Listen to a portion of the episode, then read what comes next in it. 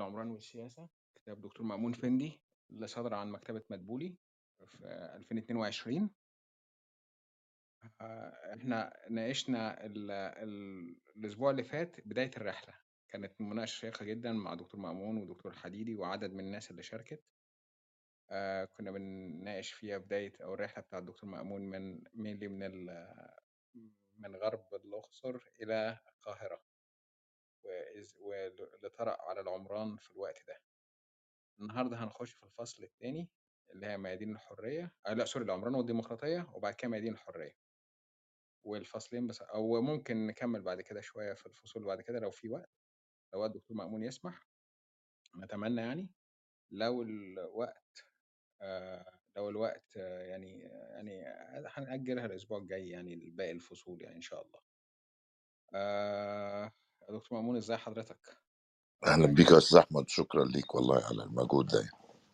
لا إزاي يا دكتور؟ ده حضرتك مشرفنا. طبعا التعريف بسيط بدكتور مأمون. دكتور مأمون يعني كان أستاذ هو سوري عمل أستاذ العلوم السياسية في جامعة جورج تاون بالولايات المتحدة الأمريكية. وهو يشغل حاليا منصب مدير معهد لندن للدراسات الاستراتيجية في المملكة المتحدة. ليه مؤلفات كتير باللغة العربية واللغة الإنجليزية منها السعودية وسياسة الاحتجاج وكتاب الإعلام والسياسة. مقالاته مش... بتنشر دايما في في أكبر الصحف العالمية ده الفاينانشال تايمز النيويورك تايمز الواشنطن بوست دكتور مأمون ليه عمود أسبوعي في صحيفة الشرق الأوسط. الكتاب ده بيمثل نقلة في تفكيره عن السياسة والمجتمع اختار فيه العمران العمران والعمارة وتخطيط المدن كمدخل جديد لفهم المجتمعات. بلا شك الكتاب ده يمثل إضافة مهمة وجديدة في التنظير السياسي عن المجتمع والدولة. طيب آه، آه، دكتور آه، ندخل على طول يا دكتور في العمران والديمقراطية. بين أردوغان واللي حصل امبارح في ميدان تقسيم كان شيء مؤسف جدا يعني وموسوليني وهتلر. حضرتك ذكرت البوندستاغ والعمارة في موسوليني في إيطاليا during الحكم الفاشي وذكرت آيا صوفيا. ف وحضرتك قلت العمران في مصر ده عمران الديكتاتورية. آم، آه، بالذات حضرتك ركزت على البوندستاغ وال وال والقبة اللي بقت فوق البوندستاغ بعد بعد التجديد يعني بعد ما كان بقى طبعا بعد ما اتحرق أيام هتلر واتهم فيه الشيوعيين اللي هو كان اسمه الرايخستاغ وقلت ال- ال- القبة الجديدة دي اللي هي شف أو اللي هي يعني يعتبر شفافة بت- بترمز لمرحلة جديدة وقلت الفرق بينها وبين مبنى البرلمان القديم اللي طبعا قبل ما ألمانيا تتوحد اللي هو في بون وقلت ده التاني ما كانش بيمثل أي حاجة ما بيمثلش أو كانش بيمثل لحضرتك شيء مميز.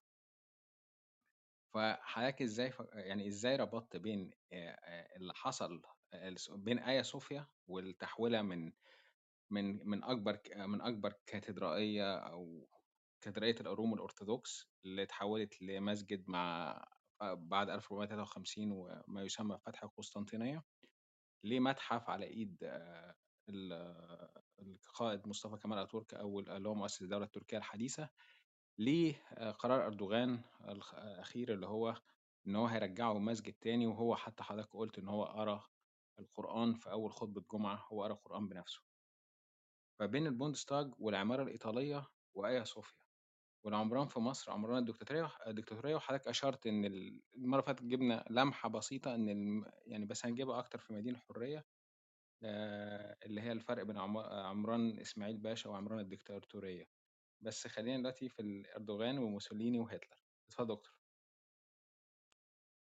شوف هو ال- ال- ال- المفهوم ال- الأساسي في الفكرة هو ما يمكن تسميته بأنسنة العمارة. وأنسنة العمارة اللي هي بيكون فيها لما انت بتمشي في الشارع آه، ال- scale أو ال- المقياس اللي هو ما بيحسش فيه المواطن بأي نوع من ال intimidation أو التخويف بحيث إن حجمه يكون أقل. طبعا في استثناءات للكلام ده وممكن أرجع لها. لكن هو فكرة ال ال ال الرايستاج ولا الأولمبيتش في إيطاليا آه، أو آيا صوفيا هو دائما ال- ال- الدكتاتور يبحث عن آه، فكرة الصرح ال- الذي يمثل آه، شيء مهيمن ومسيطر يعني عمارة الفاشية وأيضا يعني عم- عمارة موسوليني وهتلر وأيضا ممكن تضم لده جوزيف ستالين آه، إنه الدكتاتور يحتاج إلى صرح أو إلى تمثال كبير overwhelming أو إلى أشياء تحسس المواطن ب- بأنه أقل من حجمه و... وأنا متهيألي اتكلمت في ده المرة اللي فاتت. يعني جزء من ال... ال... ال- سلوك التغيير السياسي دائما بيبدأ من ال... ال... العبث بحجم ال... ال... الجسد ال... الإنساني. والتعامل معه يعني أنت لو شفت مثلا في في الصين مثلا البدلة الزرقاء بتاعت ماو تسي تونج أو حتى لما جه أتاتورك في تركيا شال الطربوش من على رؤوس الناس وبالتالي طول الرجل طول الشخص قل شوية. جزء كبير من أسلمة المجتمعات بدأ من خلال الجسد تغطيته فكرة ال revealing and concealing فكرة الكشف أو الغطاء. لكن آه، ده في جزئية الجسد ولكن الجسد الإنساني وعلاقته بالعمارة بي- بيحدد طبيعة الإنسان في في المجتمع وإحساسه بفكرة الحرية أو إحساسه بالاضطهاد أيضا في ذات الوقت. يمكن النقطة اللي أنت أشرت إليها كانت أصلا نواة ال- الكتاب ده على فكرة. أنت حطيت إيدك على حاجة كانت يعني فكرت في الكتاب ده لما رحت ال- الرايستاج الجديد كنت في زيارة لبرلين كانت تقريبا في التسعينات يعني. أواخر التسعينات أو أوائل الألفية لما حدثت فكرة ضم الألمانيتين وكده. فالرايستاج كمبنى ديكتاتوري كان مبنى مصمت كده حاجة زي القلعة مثلا في في مصر أو حاجة آه، معمار قوي ومتجهم ومسيطر over فلما قرروا ينقلوا العاصمة من بون إلى إلى برلين قرروا يعملوا البرلمان في ال- ال- الرايستاج القديم.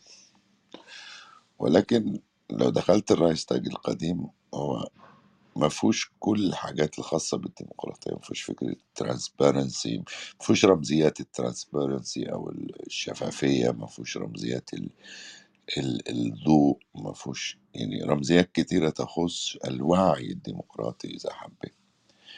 فجابوا المعماري اللي هو ال- ال- الأمريكي اسمه نورمان فوستر وأول حاجة عملها آه، في قبة الرايستاج قام قطع منها جزء وحوله إلى قبة زجاجية.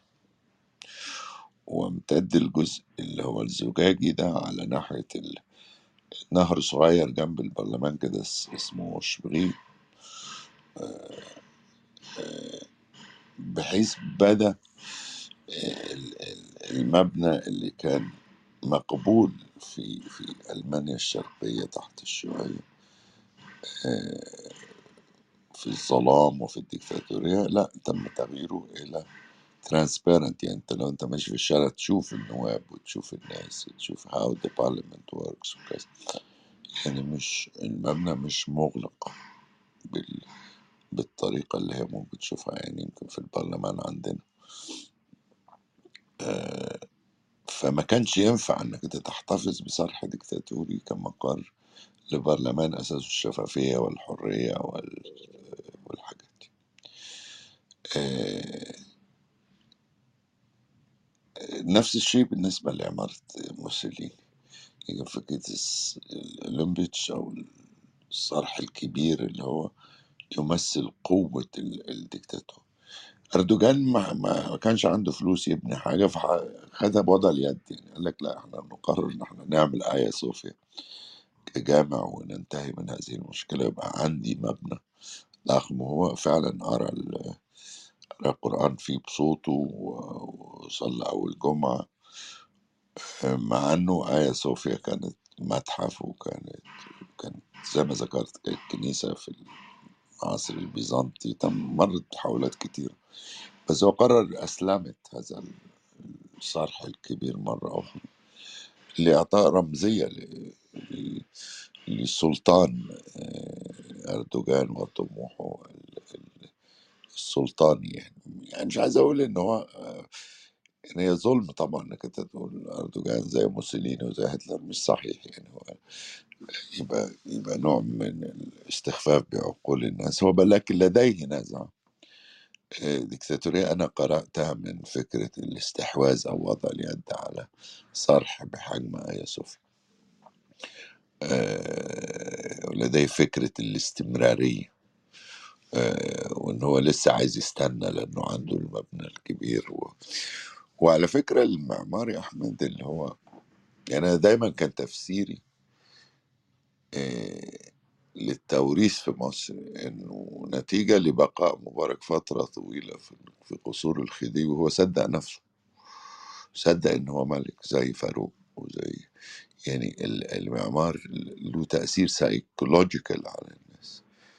فمش غريب إن زوجته وهي رايحة وطالعة من قصر عابدين ولا قصر الطاهرة ولا آه، ولا ولا غيره إنها تصدق إنها إنها ملكة وإن ابنها ممكن يكون ملك. فالعمارة فيها رمزية وفيها معاني مؤثرة على وعي ال- البشر. هو صدق فكرة التوريث لأنه آه ما هو هو has been there for a long time كان موجود في القصور دي بقاله 30 سنة. ف... فاللي أنا عايز أقوله إنه يعني لا يجب الاستهانة بالترميز العمراني في آه، تفكير البشر. يعني مسألة التطاول في البنيان إلى آخره دي من العلامات اللي هي آه، علامات العظمة وعلامات ال self-aggrandizement اللي حد عايز يعمل من نفسه آه، حاجة. ف... فدايما في الديكتاتوريات بتجد صروح. و... ولما اتكلم إحنا دلوقتي في الفترة الحالية عن فكرة القصور الرئاسية وفكرة اللي هو استخدام العمارة كترميز لل... للهيمنة. آه، ده جزء من تراث آه، قديم وإن هو مش حالة مصرية آه، جديدة يعني.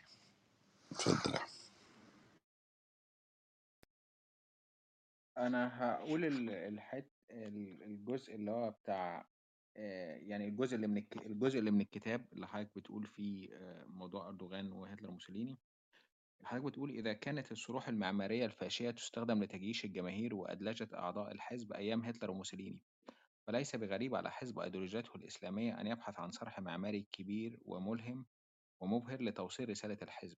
اختلفت الأيديولوجيات بين موسوليني وهتلر وأردوغان ولكن وظيفة العمارة واحدة الإلهام والإبهار والحشد والترهيب الفارق أن أردوغان لم يبني لم يبني عمارة الدكتاتورية بنفسه مثلما فعل هتلر وموسوليني ولكنه استولى على عمارة قائمة بوضع اليد وجيرها لصالحه ولمصلحة حزبه قام أردوغان بتزوير عمارة الدكتاتورية لصالحه ولم يبنها بنفسه.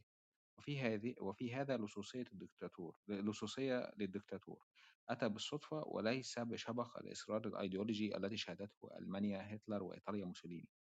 أردوغان لم يكن يقصد الدكتاتورية ولكنها تلبسته تدريجيا وهذا ما يجعله دكتاتورا من الدرجة الثانية وليس في مصاف الأوائل مثل ستالين وهتلر وموسوليني. آيا صوفيا كعم- كمعمار لا يخدم دكتاتورية أردوغان على الطريقة الكلاسيكية فقط وإنما الآيا صوفيا وظيفة أخرى لدى أردوغان فآيا صوفيا هي المساحة الموازية والأقرب لخلق حالة توازن مع ميدان الحرية بين قوسين ميدان تقسيم الأقرب إلى ميدان التحرير في مصر في الحالة المصرية. ذلك الميدان الذي حاول أردوغان أن يحوله إلى مول تجاري للقضاء على مساحات الحرية المتبقية في تخطيط مدينة إسطنبول. تلك المساحة التي اتخذ منها معارضو أردوغان مقرا دائما.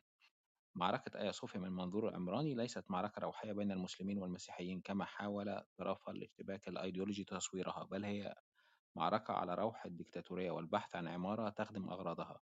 ربما لأن أردوغان ليس لديه لا الميزانية ولا الوقت لبناء معالم للديكتاتورية كما فعلت شاوشيسكو في رومانيا وصدام في العراق وقذافي في ليبيا فكان من الأسهل عليه السطو على عمارة تخدم هذا الغرض بوضع اليد. وضع اليد كفلسفة هو عمود أساسي من أعمدة التسلط وأسرد سأسرد لذلك لاحقا. إذا ما نظر المسلمون أنا دي النقطة اللي كنت هتكلم مع حضرتك فيها إذا ما نظر المسلمون والمسيحيون إلى موضوع آيا صوفيا من منظور عمراني وعلاقة العمران بالديكتاتورية قد ينتفي الخلاف وتفرغ المعركة الروحية من بارودها وتهدأ الأمور لأننا وفي حالة آيا صوفيا أمام دكتاتور من الدرجة الثانية ليس لديه لا المال ولا الوقت الذي أسعف هتلر وموسوليني من قبل في بناء معمار ديكتاتوري آيا صوفيا هي معركة أيديولوجية هي معركة أيديولوجية على رو- روح عمارة الديكتاتورية وعلاقتها بالإسلام أو المسيحية هي مجرد التباس. لدى من لا يعرفون ما ترمي إليه فلسفة دكتاتور إسطنبول الجديد. صراحة يا دكتور ال- الباراجراف الأخير ده رائع بصراحة. حضرتك بت- بتحاول تكلير ال ال ال يعني ال زي ما بيقولوا الماء العكر يعني اللي حصل لأن كتير قوي القرار ده يعني بالذات بتاع آيا صوفيا ضايق مسيحيين كتير جدا جدا. وده تقريبا قرار زي قرارات العصور الوسطى أيام ما كان مثلا في الأندلس بيهدموا المساجد مثلا في غرناطة وقرطبة ويبنوا عليها كنايس وكده. وبصراحة الباراجراف نفسه رائع إن هو بتقول الموضوع كله لو المسلمين والمسيحيين بصوا لآيا صوفيا إن هو من منظور عمراني فبتقول حضرتك إن هو قد ينتفي الخلاف. فبصراحة أنا بصراحة هي المقارنة يا أحمد مع توازن المساحات وأنا قلت في الكتاب إن هو في الأول إنه أنا بشوف كمان العمارة مش بال ال positive space اللي هو المكان المبني عليه ولكن أيضا بال negative space أو المكان الفاضي أو خارج البناء. لما تشوف التوازن بين ميدان تقسيم و... و... و... وآيا صوفيا هتعرف إنه المشكلة هي إيجاد حالة من ال balance بين التوازن ما بين ميدان يمكن أن يمتلئ بالعشرات الآلاف مقابل أيضا صرح آخر يمكن أن يمتلئ بالآلاف لو حبيت أه وأنا قلت عشان بس يعني قلت بصراحة ووضوح حد كاتب في الشات إن إحنا هناك استهداف للتجربة التركية مش صحيح. وأنا قلت الكلام ده يعني من الأول بأنه آه، على فكرة الديكتاتوريات لها يعني rules and regulations لها قواعد منظمة. يعني هو للأسف اللي حصل للديكتاتوريات المعاصرة هي أنها لا تليق حتى باسم الديكتاتورية يعني سواء عندنا في الحالة المصرية أو في تركيا دي ديكتاتوريات من الدرجة التانية. يعني ملهاش ما يعني ما لعبتش حسب القواعد. يعني آه على فكرة في ديكتاتور محترم وديكتاتور نص نص. الدكتور الدكتاتور المحترم اللي هو بيلعب بقواعد الدكتاتورية الأساسية اللي هو to make it more impressive. إنما الدكتاتور ده اللي رقص على السلم أو اللي نص نص ده. بيبقى حتى آه، يعني أنا ظني في إنه أردوغان كبني آدم هو آه، تلبسته فكرة الدكتاتورية كما يتلبس الشيطان الجسد. يعني هو ما كانش عنده نية يبقى ديكتاتور هي زي فكرة مبارك وبقائه في القصر فترة طويلة إن هو صدق نفسه أو تلبسته الفكرة و... وده إنه. في حالة مبارك كان المعمار أسقط عليه فكرة ال... ال... استمرارية ال- الحكم. وفي حالة أردوغان أعتقد الأيديولوجية كانت هي الدافع الأكبر ولكن الأيديولوجية كان ينقصها العمارة الخاصة بها أو تجلياتها المادية. خلينا نحطها بهذا الشكل تجلياتها المادية. مفيش ما تقدرش تقول أن هناك تجليات مادية لنوع من السلطوية الإسلامية. في آه، لا في هندسة سنان في المساجد ولا في شوارع إسطنبول لكن آيا صوفيا كان شيء مناسب أن يكون تجليا ماديا لعظمة هذا الفكر أو ما يساوي ما يساوي عظمة الفكر يساويه معماري. ف... فهو ديكتاتور بالصدفة يعني. إذا إذا أراد أن يكون دكتاتور فهو دكتاتور ب- بالصدفة وليس بال by design يعني مش العملية مش سابقة ال... إيه؟ مع سبق الإصرار والترصد. فأخي العزيز اللي بيقول إن إحنا نستهدف تركيا من هذا مش صحيح. بتكلم عن كل الدنيا يعني الكتاب بيتكلم مجموعة مقارنات من واشنطن ل- للندن لبرلين لباريس وعلاقة ال- المساحات بالمجتمع سواء كان حرا أو أو مجتمعا مغلقا. هو مدخل لقراءة المجتمعات يعني ال- العمارة وتخطيط المدن. كمدخل لقراءة آه، المجتمع وعلاقته بمسألة الحرية وحقوق الإنسان والديمقراطية وغير ذلك. شكرا يا دكتور. إحنا داخلين على مصر تحديدا يعني عشان الأخ الكريم اللي بيحكي إن إحنا مستقصدين تركيا لأ خالص. حضرتك كاتب المخيال الاجتماعي أو the social imagination في مصر رغم بعد قشور الحداثة التي رغم بعد قشور الحداثة التي تراها في المدن الكبرى هو مخيال مبني على أيديولوجية العائلة ونظام القرابة والتوريث وبالعائلية هنا أعني العائلية اللا أخلاقية amoral familism التي تحدث تحدث عنها الأنثروبولوجي العظيم إدوارد بانفيلد في كتابه الذي يحمل الاسم ذاته. عائلية عائلية عائلية تهتف للدولة نهارا وتسرق أضواء الشوارع وأعمدة الكهرباء ليلا على عائلية سافلة سافلة الطباع نظام بدأ يتمكن من الحالة الاجتماعية والسياسية في مصر. وقبل أن أسترسل في الفكرة لابد من التركيز على نقطة جوهرية. أساسها أن أيديولوجية العائلة سافلة الطباع ليست أمرا أصيلا في أخلاق الشعوب ومصر من ضمنها بل هي في الأساس نتيجة لمعمار النظام السياسي والاجتماعي. أي أنه عندما تتغير الظروف الحاكمة ويبنى معمار سوي فلن تجد لهذه لهذا النوع من الأخلاق المنحطة مكانا. وكان هذا واضحا أيام ثورة يناير فبعد تنحي مبارك كان الناس ينظفون الشوارع بأنفسهم وكان كل فرد يحث الآخر على الاهتمام بالسلوك العام وقواعد النظافة. تغير النظام فتغير السلوك لهؤلاء الناس ذاتهم وذلك لأنهم أحسوا أن الوطن لهم وليس للحاكم وحده.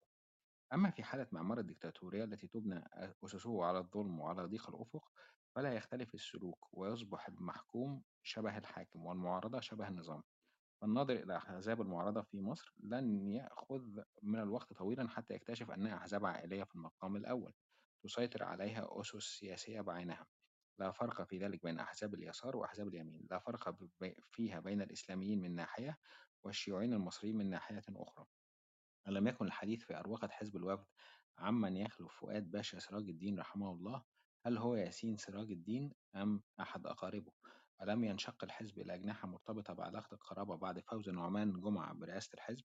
نفس الشيء حدث في حزب العمل الإسلامي في توريث أمانة الحزب من عادل حسين إلى ابن أخيه مجدي أحمد حسين. ومجدي حسين هو أيضا ابن أحمد حسين رجل حزب مصر الفتاة وقمصان الزرق ومشروع القرش. الشيوعيين المصريين أيضا رغم كل حديثهم عن التوافق الفكري بين أبناء الطبقة العاملة إلا أن معظم من معظم من في قمة الحزب الشيوعي المصري هم طبقة الأرس- الأرستقراطية القديمة من سكان الزمالك والمعادي تربطهم علاقات دم ونسب وزيجات أك- أك- أكبر بكثير من الرباط الفكري. وقد يكون هذا السلوك العائلي لبعض الشيوعيين واليساريين في مصر ناتجا عن حالة تهميشهم سياسيا. ولكن تبقى صلة الارتباط العائلي والتوريث هي السمة السائدة في بناء مؤسساتهم السياسية النقاشون مثلا فريدة النقاش وزوجها حسين عبد الرازق ورجاء النقا ورجاء النقاش ومن سهرهم من العائلات هم عماد الحزب التقدمي. الإسلاميون أيضا من الإخوان ما زالوا ينظرون إلى عائلة حسن البنا كمرجع وأيضا أقارب سيد قطب وكذلك أقارب زينب الغزالي.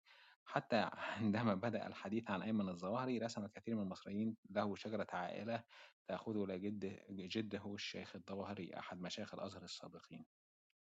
آه، وكأن التفسير الإسلامي وبناء الأفكار الإسلامية يتم تلقحهما عم عبر علاقات الدم.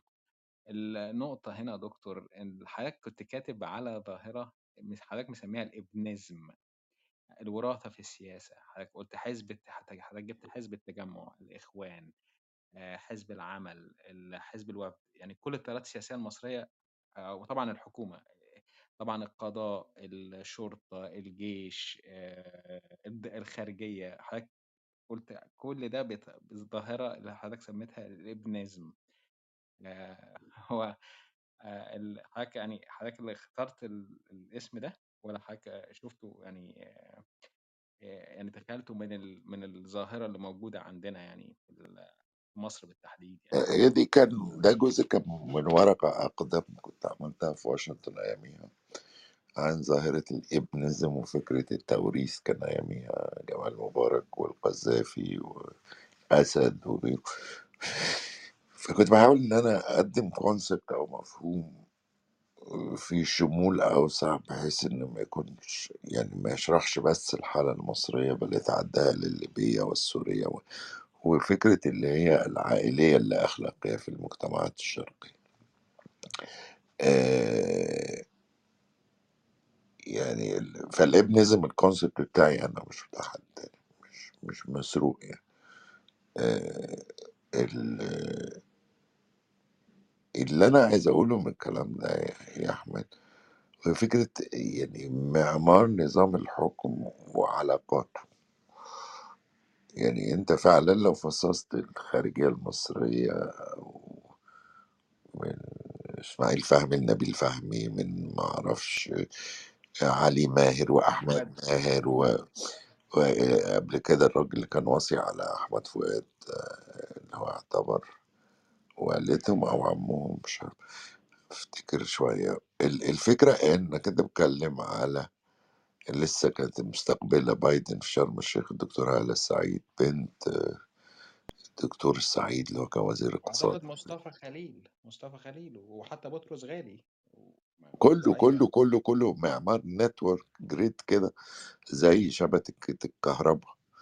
ال grid متشابك تماما. آه، آه، لو شفت أيام مبارك كان آه، أنس الفقي اللي هو مش عارف يعني آه، يعتبر ابن خالة ابن خال المغربي وزير السياحة و... وأمه آه، خالة مش عارف مين ثابت أخو سوزان مبارك. إلى آخره فأنت بتتكلم على يعني علاقات عائلية ملهاش دخل بعلاقات الفكر. وده اللي بي- بيحكم ال- ال- المجتمع يعني خلف برضو العمارة ال- ال- اللي معمولة بطريقة ال grid وبما فيها أيضا من عشوائية في نفس الشيء موجود في نظام الحكم. ومعارضيه أيضا مش بس موقف عشان ما نقولش الحكم هم هم اللي منحطين وسافة للمعارضة هي نفس القصة أيضا فيها نوع من المصاهرة وعلاقات الدم هو ال... ال... الديمقراطية مبنية على يعني اللبنة الأساسية الفرد والفكر. إنما لو انتقلت إلى علاقات دم تصبح قبائلية إلى درجة كبيرة يبقى نوع منحط من الأنظمة السياسية الذي لا علاقة له بروح الحداثة أو روح العصر. في طبعا هيطلع لك واحد بقى مدقدق على نوعية الراجل بتاع قال لك don't touch me و Egyptian land البرلماني من النوع ده هيطلع لك واحد فهلاوي بعد شوية يقول لك ما أمريكا في ال Kennedys وفي مش عارف مش صح الكلام ده مش صح يعني ال ال ال the, the spirit of the place أو روح المكان أساسها الفرد الحر. قد تأتي صدف تاريخية أن تكون هناك نوع من العائلات السياسية اللي هي يعني نتيجة لظروفها التاريخية بتنتج آه، من يتنافس في البرلمان أو من يتنافس على سدة الرئاسة إلى آخره. ولكن المنافسة حر. يعني ليس هناك جارانتي إن هو ابن فلان يبقى لازم يكمل. يعني عائلة كندي ال- من من واحد اللي هو الأب هي يا دكتور mainly عائلة بوش بالتحديد وكلينتون عشان هيلاري راحت ال آه ال بس يعني دي جت ب- جت بيس بي يعني وجاستن كلينتون ترودو في كندا جاستن ترودو ابن رئيس الوزراء التاريخي لكندا بيير ترودو يعني جاست بس ان كيس لو أنا فهلاوي يعني. آه بقى لا ما هو ما هو ده اللي ده الطريق اللي أنا عايز أسده لأن بصراحة ما, ما عنديش مرارة إن أنا أحتمل الكلام الفارغ. يعني ال- الظروف التاريخية مختلفة هذه الأسر أيضا آه، تذهب وتختفي. يعني ال Kennedys هو الرئيس كندي JFK جون إف كينيدي أبوه كان راجل bootlegger يعني اللي هو كان بيتاجر في الويسكي وتحت الطاولة يعني. فهي جت فترة وولدين اهتموا بالسياسة وبعدين انتهت خلاص يعني it's gone forever. ما هيش أرستقراطية مستمرة أو مستدامة. كلينتون من broken family بقى رئيس. آه، لكن خلاص بعد كده. آه بنته تشيلسي ممكن تتجوز حد وتلف وترجع إلى آخرها هتبقى عضوة برلمان لو لو أرادت حتى. أو قدرت فالمسألة مش بال ما هيش علاقات قرابة يعني. مش excuse me. ال- لا لا لا لا تش... يعني التشابه الظاهري اللي هيقول له بتاع الفهلاوي المصري is, is, is not sustainable intellectually. يعني لا يصمد أمام التمحيص أو أمام التقريظ الفكري. فأتمنى إن إحنا ما نروحش في السكة دي لأنه لأنه لو رحت فيها أنت يا أحمد هبقى ههزقك يعني. لك الكلام ده كلام فارغ. طب دكتور مش حضرتك شايف شخصيا يعني ههزقك لا لا فكريا. فاهم. طب حضرتك شايف ال... ال... زي حضرتك كاتب في الكتاب إن المصريين مثلا أو التوانسة أو كل الناس اللي, اللي يعني عدى عليهم الربيع العربي وقدروا إن هم يتخلصوا من الدكتاتور القديم شايف حضرتك إن هم ده كأنهم امتلكوا بلدهم من أول وجديد وحسوا إن البلد بتاعتهم مش بتاعت الحاكم؟ كنت كنت كنت شايف الروح دي موجودة في المصريين؟ أو التوانسة أو غير أو الليبيين أو يعني البلاد اللي قدرت تتخلص من ال- الدكتاتور القديم يعني. آه، حضرتك شايف كده؟ المصريين حسوا لوهلة لوهلة بسيطة إن خلاص البلد دي بتاع بتاعتهم البلد دي بتاعتهم؟ ده صحيح بس هو طبعا حصلت ال- الانتكاسة والانتكاسة اللي جت عن طريق التخويف التخويف بقوة السلاح يعني يعني هو آه، يعني الانتكاسة اللي حدثت لفكرة إنك موجود في ميدان الحرية زي ميدان ميدان الإسماعيلية أو اللي هو بقى اسمه ميدان التحرير فيما بعد. آه، وانك انت حسيت بان هذا الشارع أنت تملكه وتملك نظافته. آه، انتقلت نتيجة للتخويف. بأنه لأ آه، إحنا لابد إن إحنا نرجع لوضع اليد مرة أخرى وأنه السايس ضروري يملك الشارع و- وبوضع اليد وأنت تركن بفلوس رغم إن الشارع ده أنت بتدفع ضرائب وأنت جزء منه. ال- ال- فكرة وضع اليد في ال- في السياسة في في المجتمع المصري طبعا. آه، والتخويف بال يعني انت لو قريت مع محفوظ يا أحمد تجد فكرة الفتوة والبلطجي والحارة إلى آخره و- و- والشبلي أحسن من الدينار يا وداد إلى آخره. آه، آه، إنك أنت الناس بتستلقفك من موقف إلى موقف أو معادلة الإسلاميين مقابل العسكر إلى آخره جزء منها ال- ال- الفتوة مع أن الفتوة كمفهوم آه، له أيضا قواعد وله قيم حاكمة. الفتوى بقدر ما هو بلطجي إلا أنه لديه بعض من القيم الخاصة بالشهامة في بعض المواقف إلى آخره هو الكارثة في الفتوى المفرغ من ال... من القيم. وده جزء كبير من اللي أنت بتشوفه. وممكن نتكلم عن أمثلة كثيرة بس هو أنا يمكن نتيجة إني كتبت الكتاب في مرحلة معينة و... وكتاب مش قدامي دلوقتي فلو أنت قريت quotes منه آه، أنا ممكن أناقشك فيه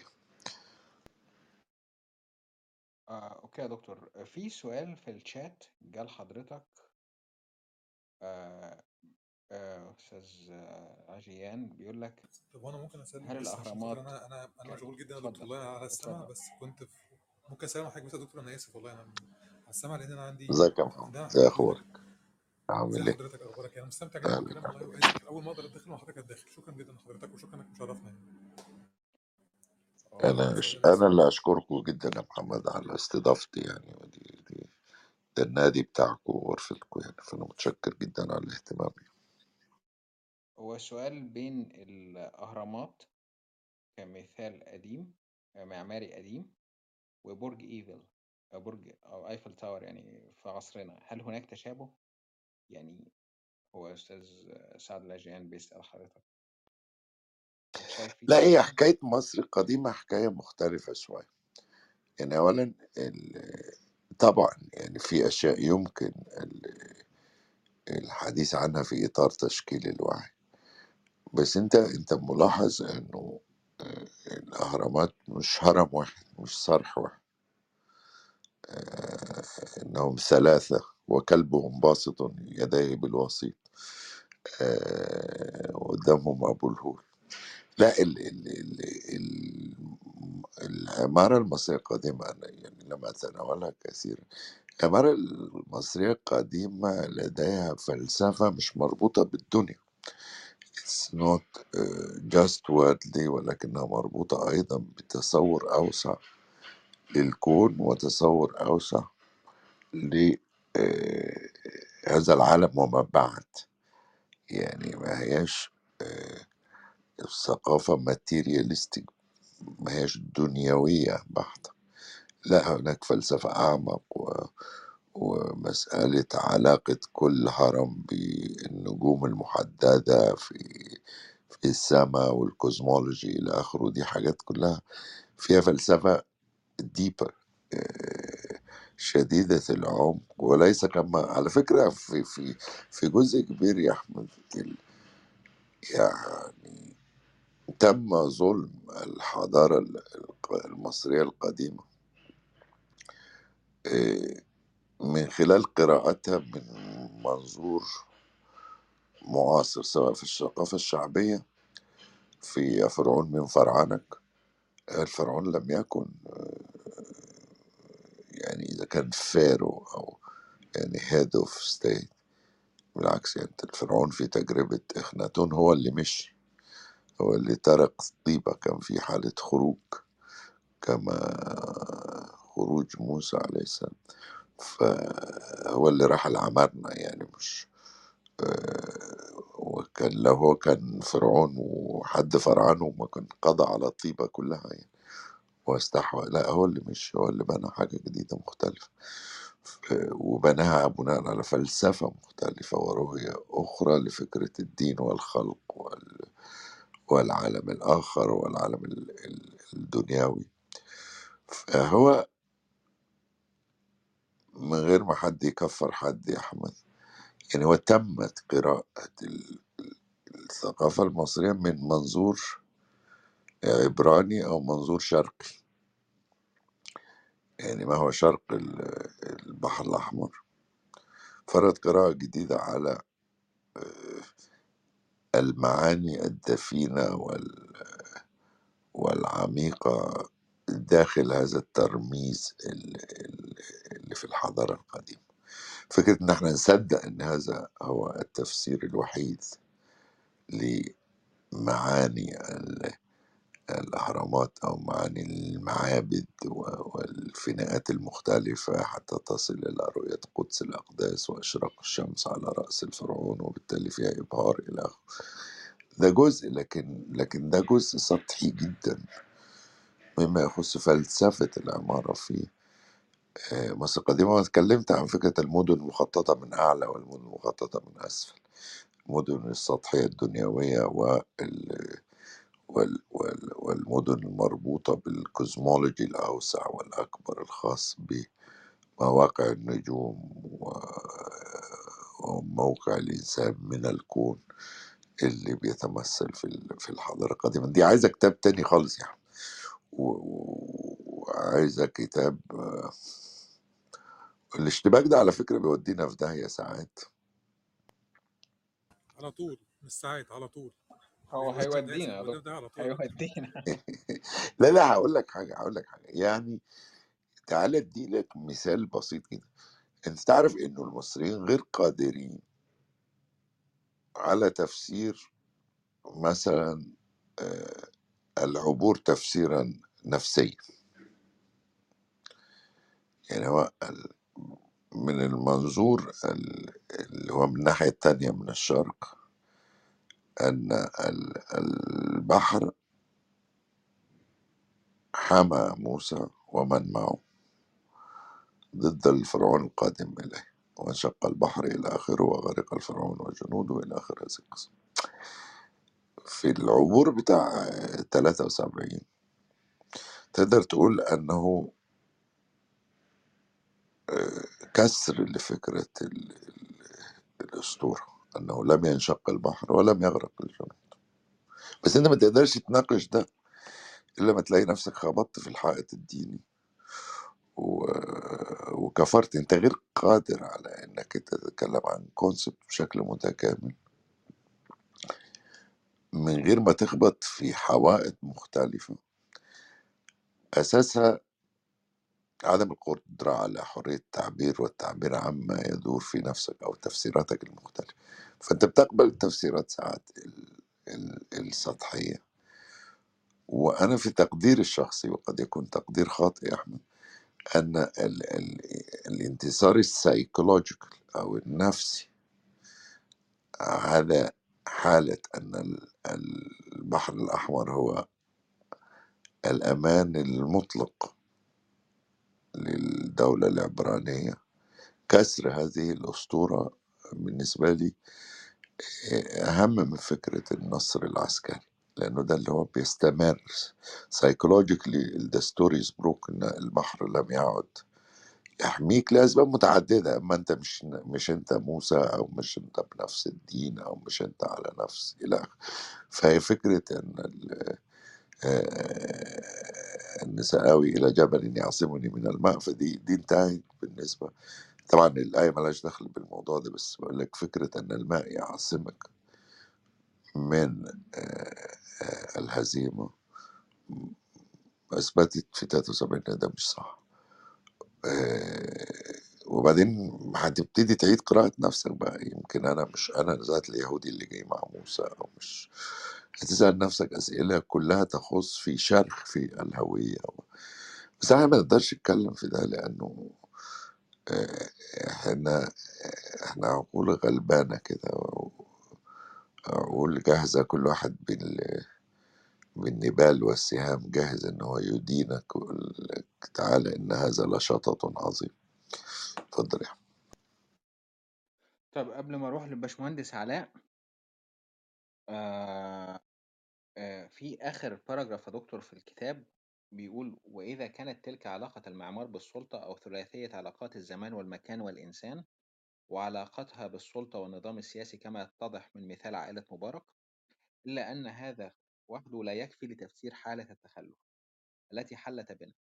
لابد من التركيز على معمار القرابة وعلاقته بالزمان والمكان والسلطة. ربما من خلال هذا فيما بعد قد نستطيع تفسير الظاهرة الإسلامية في مصر. في خلال الثلاثين سنة الماضية عندما قسم المكان طبقيا فسكن البعض القصور أو التجمعات المعمارية المغلقة مثل القطامية هايتس والتجمع الخامس وأحياء باسم أمريكية وفرنسوية بيفرلي هيلز وغيرها كمان. مقابل مدينة الموتى والعشوائيات والأحياء الشعبية ولم يعد هناك فضاء يتساوى فيه المصريون أو يحسون بالمساواة إلا في الفضاء الم- المقدس الجامع أو المسجد. لذلك كلما زادت غربة الإنسان في وطنه اتجه إلى المسجد. طلبا للرحمة من الله ومحاولة أخيرة للبحث عن المساواة على الأقل. من أجل استقرار نفسي وربما جاءت الثورة عندما فشلت مساحات المقدس في احتواء جميع الباحثين عن المساواة المتوهمة. آه، فخر كتسريب المياه آه، الجامع في الشارع أو الجامع في الميدان كما في حالة عمر مكرم جامع عمر مكرم. الفضاء المقدس ومعسكر الخدمة العسكرية للمجندين كان مكان المساواة المتوهمة عن بين المصريين. أصبحت مصر كما الهند مجتمعا طبقيا caste system تتزاوج كل طبقة من بعضها أو تحسن النسل بزيجات بناتها للطبقة الأعلى. ونسبنا الحكومة كما جاء في الإسقاط في مسرحية ريا وسكينة. وكما في الهند كذلك في مصر. ففي الهند يتساوى الجميع عند النهر المقدس آه نهر الجانج أهو حيث يحتضن الماء الجميع ويغسل ذنوب الجميع وفي مصر يتساوى الناس في المسجد ثم يعودون إلى معمارهم الطبقي بعد الصلاة أو أن. أو ينهار معمار الطبقية وتجرفه مياه الثورة فت... فتساوى المصريون في فضاء في فضاء الميدان في خلال 18 يوما حسوما يسقط فيها رجل حكم البلاد لمدة 30 عاما وكانت له هيبة في سنوات حكمه الأخيرة التي لم يكن يحكم فيها وكانت دابة الأرض تأكل من- من- منسأته بينما كان المصريون غارقين في حديث التوريث. فمعمار ال caste والسلطوية خلق لديهم رؤية كاملة cosmology تشكل وعيهم ولا يرون سواها. يعني حضرتك بتقول بتفسر الظاهرة الإسلامية بأن إن ال- المسجد هو المكان الوحيد وكذلك معسكر الخدمة العسكرية؟ يعني الفضاء المقدس المسجد ومعسكر الخدمة العسكرية هو المكانين الوحيدين أو المسجد بالتحديد اللي كان آه، بيتساوى فيه المصريين أو يحس- يحسون بالمساواة. فلذلك كل ما زادت غربة الإنسان في وطنه اتجه إلى المسجد. طالبا للرحمة من الله ومحاولة أخيرة للبحث عن المساواة من أجل استقرار نفسي. يعني ما فيش أمل في عدالة اجتماعية يا دكتور غير في المسجد وحضرتك شبه شبهت مصر بالهند الهند أساسا مجتمع طبقي يعني الديانة الهندوسية ديانة هو كاست سيستم نعم اتفضل. لا لا لا لا بس أنا بس أسأل حضرتك هو ما فيش هو أمل الموضوع يتعدل مش مش ما فيش أمل يعني. يعني هو هي محاولة لإخراج العقل المصري من التفسيرات الجاهزة. هو ليه الناس راحوا للدين كده أو ليه الناس راحوا للجامع أو ليه على فكرة كمان من الناحية التانية ليه الناس بيدافعوا عن المؤسسة العسكرية؟ يعني هو المساحات اللي أنت بتحس فيها زيك زي غيرك اللي هي لما تروح معسكر تجنيد أو لما تبقى في الجامع وسط الناس دي المساحات اللي أنت بتحس إنها نورمال إيه لا فضل لعربين على عجمين إلا بالتقوى انه مفيش حد آه، أحسن من حد. في كل المساحات المتبقية في حد أحسن من حد. يعني في آه، طبقية قميئه كمان. هي طبقية مصطنعة لأنه كلنا نعرف بعض كمصريين إنه آه، يعني حتى البشوات منا منحت لهم الألقاب كخدم في عصور سابقة أو ك لكن ما كانوش أرستقراطية تاريخية بالمعنى ال- الأوروبي أو ال- الغربي. وبعدين حتى الأرستقراطية التاريخية في الغرب اعتمدت على فكرة الطبقة الوسطى اللي هي تمثل القيم الحاكمة للمجتمع. فهو الناس راحت الجامع لسببين. واحد سبب رأسي متعلق بالدعاء وال... وال... والاستجابة. وسبب أفقي نفسي مرتبط بفكرة إن أنا سأتواجد في مكان يكون فيه كل الناس سواسية يعني اللي جنبي في الصف في الصلاة في يوم الجمعة أنا معرفش هو مين. إنما هو طبعا العملية كمان مش بالاستاتيكية اللي أنا طرحتها بقدر ما هي في فصل تاني هتلاقيها مطروحة في إطار آه إنه لما تشوف صلاة الجمعة هتلاقي الناس جزء كتير من الناس مفترش الشارع لأنه الجامع ده غير كافي المساحة غير كافية. فيفترشوا الشارع للصلاة خلف إمام لا يرونه وهو في داخل المسجد. وأنا سألت سؤال بعد كده هل لما تشوف المشهد ده هل هو الجامع اللي بيخر في الشارع المصريين نتيجة لأنه جامع ضيق فبدأ الجامع يسح في الشارع كده والناس تبقى في ولا هو الشارع اللي بيخر في الجامع اللي هو بدأت مساحات ال- الدنيوي تدخل في المقدس. لو أنت فاكر خطابات كشك يا أحمد لما كان يتكلم عن الست أم كلثوم يقول لك سيدة مش عارف في السبعين تقول خذني في حنانك خذني والكلام ده. تكتشف لا أن خطاب الجامعة تشاورع وليس آه، وليس خطاب الشارع تدين. فيها it takes both في. يعني في تمدد للمقدس. في الشارع. وأيضا هناك في شورعة للمقدس. أن لغة المقدس أصبحت لغة إلى حد كبير أقرب إلى الشوارعية منها إلى اللغة الرصينة الخاصة بالأئمة الكبار في العصور السابقة. فدي قصة طويلة برضو. يعني أعتقد إن في واحد من الفصول بيتناولها بشكل أكثر آه، تفصيلا يعني. إزيك يا باشمهندس علاء؟ اتفضل يا باشمهندس علاء. ازيك يا دكتور؟ ازيك يا كيف البيتي أنت وكيف العائلة؟ الحمد لله. أنا قلت اطلع دردش معاكم بما انكم بتتكلموا في العمارة والسياسة والتقاطعات بقى. ف آه، يعني أنا بس الفكرة الأساسية ال- اللي هي فكرة المركز يعني آه، وضع وضع ال- الرمز في المركز هو ده مفتاح التفكير دايما يعني. يعني الت... وهو التفكير متشابه تقريبا في كل الحضارات تقريبا زي بعض يعني. فهي بدأت بالمقدس بس ما ما فضلتش يعني موجودة عند المقدس. هي يعني هي استمرت من المقدس للناسك للمحارب للملك للإنسان العادي. وهي دي بقى الفكرة دلوقتي. هي الفكرة النهاردة إن إحنا بنقعد نفكر في العمارة التراثية والعمارة التقليدية رغم إن السياق مختلف الحالة اختلفت خلاص.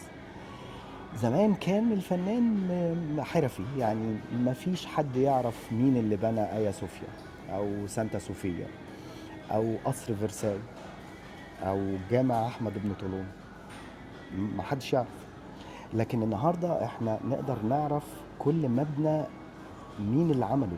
لأنه العمارة زمان كانت عابرة للزمان لكن النهارده بقت العمارة عابرة للمكان. يعني فكرة إن أنا بقتني فن معماري من عقل فنان بيمثل حالة الفنان نفسه وحالة الفردية اللي بيمثلها الفنان نفسه. فسهل جدا إن أنا أشوف حاجات لمايكل جريفز في الجونة. معمولة على ال style العربي. في نفس الوقت ممكن ألاقيها في بريطانيا. ال- الفكرة دي فكرة إن أنا آه، لما أفكر إنه العمارة تقاطعها مع السياسة هي لازم تكون ماشية ب pattern واحدة لازم أفكر من خلال الفردية اللي هي بقت موجودة. فكرة الأنا. الأنا اللي هي بتمثل الشخص نفسه العادي خالص اللي هو بقى بيدور على بيته بيدور على ال style اللي هيعيش فيه. أو فردية الفنان اللي عمل البيت. قبل مايكل أنجلو ما كانش فيه توقيع على عمل فني من بعد مايكل أنجلو بدأ فكرة التوقيع على عمل فني من قبل عروض السينما ما كانش فكرة التكسب من الفن. من بعد عرض أول عرض سينمائي آه، في جران كافيه بدأ يبقى في فكرة التكسب من الفن أو من الأعمال الفنية. فكرة إن الفنانين دايما لازم يشتغلوا من خلال أفكار المجتمع من خلال فلسفة المجتمع هي فكرة في منتهى الصعوبة لأنها بت- فيها طمس للفردية. هي عن فيها إعلاء أكتر للفكر المجتمع وفلسفته وعقيدته وهويته. فالنهاردة اللي متمسك بالهوية بالهوية هيفضل متمسك بالعمارة التقليدية والعمارة التراثية العابرة للزمان. لكن اللي عايز يتخلص من الأفكار ال- ال- ال- ال- الماهواتيه دي لا هيبقى حابب أكتر إن هو يبقى عابر للمكان إن هو يحب إنه يبقى عنده آه، آه، برج آه، ناطحة سحاب مثلا زي الإمباير ستيتس مثلا ما بنلاقي فيه شبه ليها في دبي مثلا. أو آه، آه، فكر مثلا لجان كلود اللي موجود في شنغهاي آه، بالجرين تاور ان هو يبقى فيه شبه زيه في العاصمة الإدارية مثلا. هي دي الأفكار اللي أنا عايز بس ابص عليها إنه فكره تقاطع السياسة آه طبعا واضح جدا تقاطعات السياسة.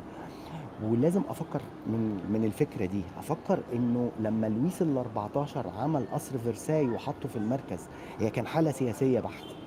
حالة إن هو كان عايز يخرج من باريس لأنه مش قادر يعيش في باريس لأنه في تقلبات سياسية كبيرة عليه. ففكر إنه يخلق مجتمع فرساي اللي يخلقه هو لنفسه ويبدأ يجمع فيه الإقطاعيين وال- والسياسيين الكبار جدا يأجر لهم أماكن يعيشوا في مجتمع فرساي علشان يبقوا مرتبطين بيه هو شخصيا. بس لما أشوف فرساي هلاقيه إن هو كان المركز الفن الحضارة الإتيكيت. مختلف تماما عن أوروبا. ده تقاطع سياسي. آه، أنا مش عايز أرغي كتير. أنا مستمتع بالدكتور مأمون يعني وال- والكتاب والأفكار الجميلة اللي فيه. بس يعني قلت حابب أشارك كده. يمكن أبقى مستفز للأفكار مع الدكتور مأمون. أنا عارف هو بيحب استفزاز الأفكار. شكرا يا باشمهندس. شكرا جزيلا. جريتفول على هذه المداخلة يعني. متشكر جدا. هو الفكرة ال وجزء من الكتاب لازم أنت أنت تعرف طبعًا تمامًا إن أنا يعني تدريبي أصلًا جاي من آآ العلوم السياسية أو كل خبرتي، بس هو آآ بتأمُّلاتي في الdiscipline اللي أنا جاي منه أو فرع العلم اللي أنا جاي منه، لقيت إن النظريات اللي عندنا غير كافية لتفسير المجتمعات، وإن إحنا مطلوب أن هناك فجوات لابد من سدّها من خلال اللي هو معروف بالinterdisciplinary approach إنه يبقى في نوع من تداخل تداخل فروع المعرفة آآ بحيث إن إحنا نقدر آآ على الأقل نضفي آآ تفسير أفضل لما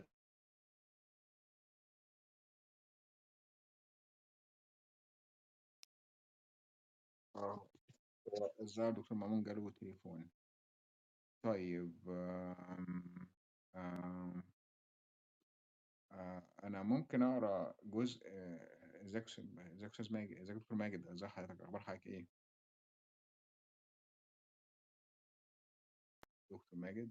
آه يا ريت، أنا يا ريت. إزي حضرتك، أخبارك إيه؟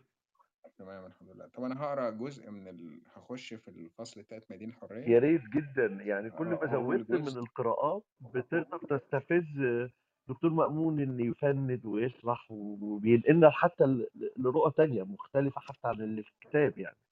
طيب يعني أنا. أنا أنا استمتعت جدًا بقراءة الكتاب، لكن أحب إن إن أنت أمّا بتقرأ جزء كده بتستفز دكتور مأمون أكتر إنه يج يخرّج ويعمل مقارنات مختلفة و فيا ريت تك تكتر كده من القراءات أكتر. طيب أنا هاقرا مقطعين من الفصل التالت.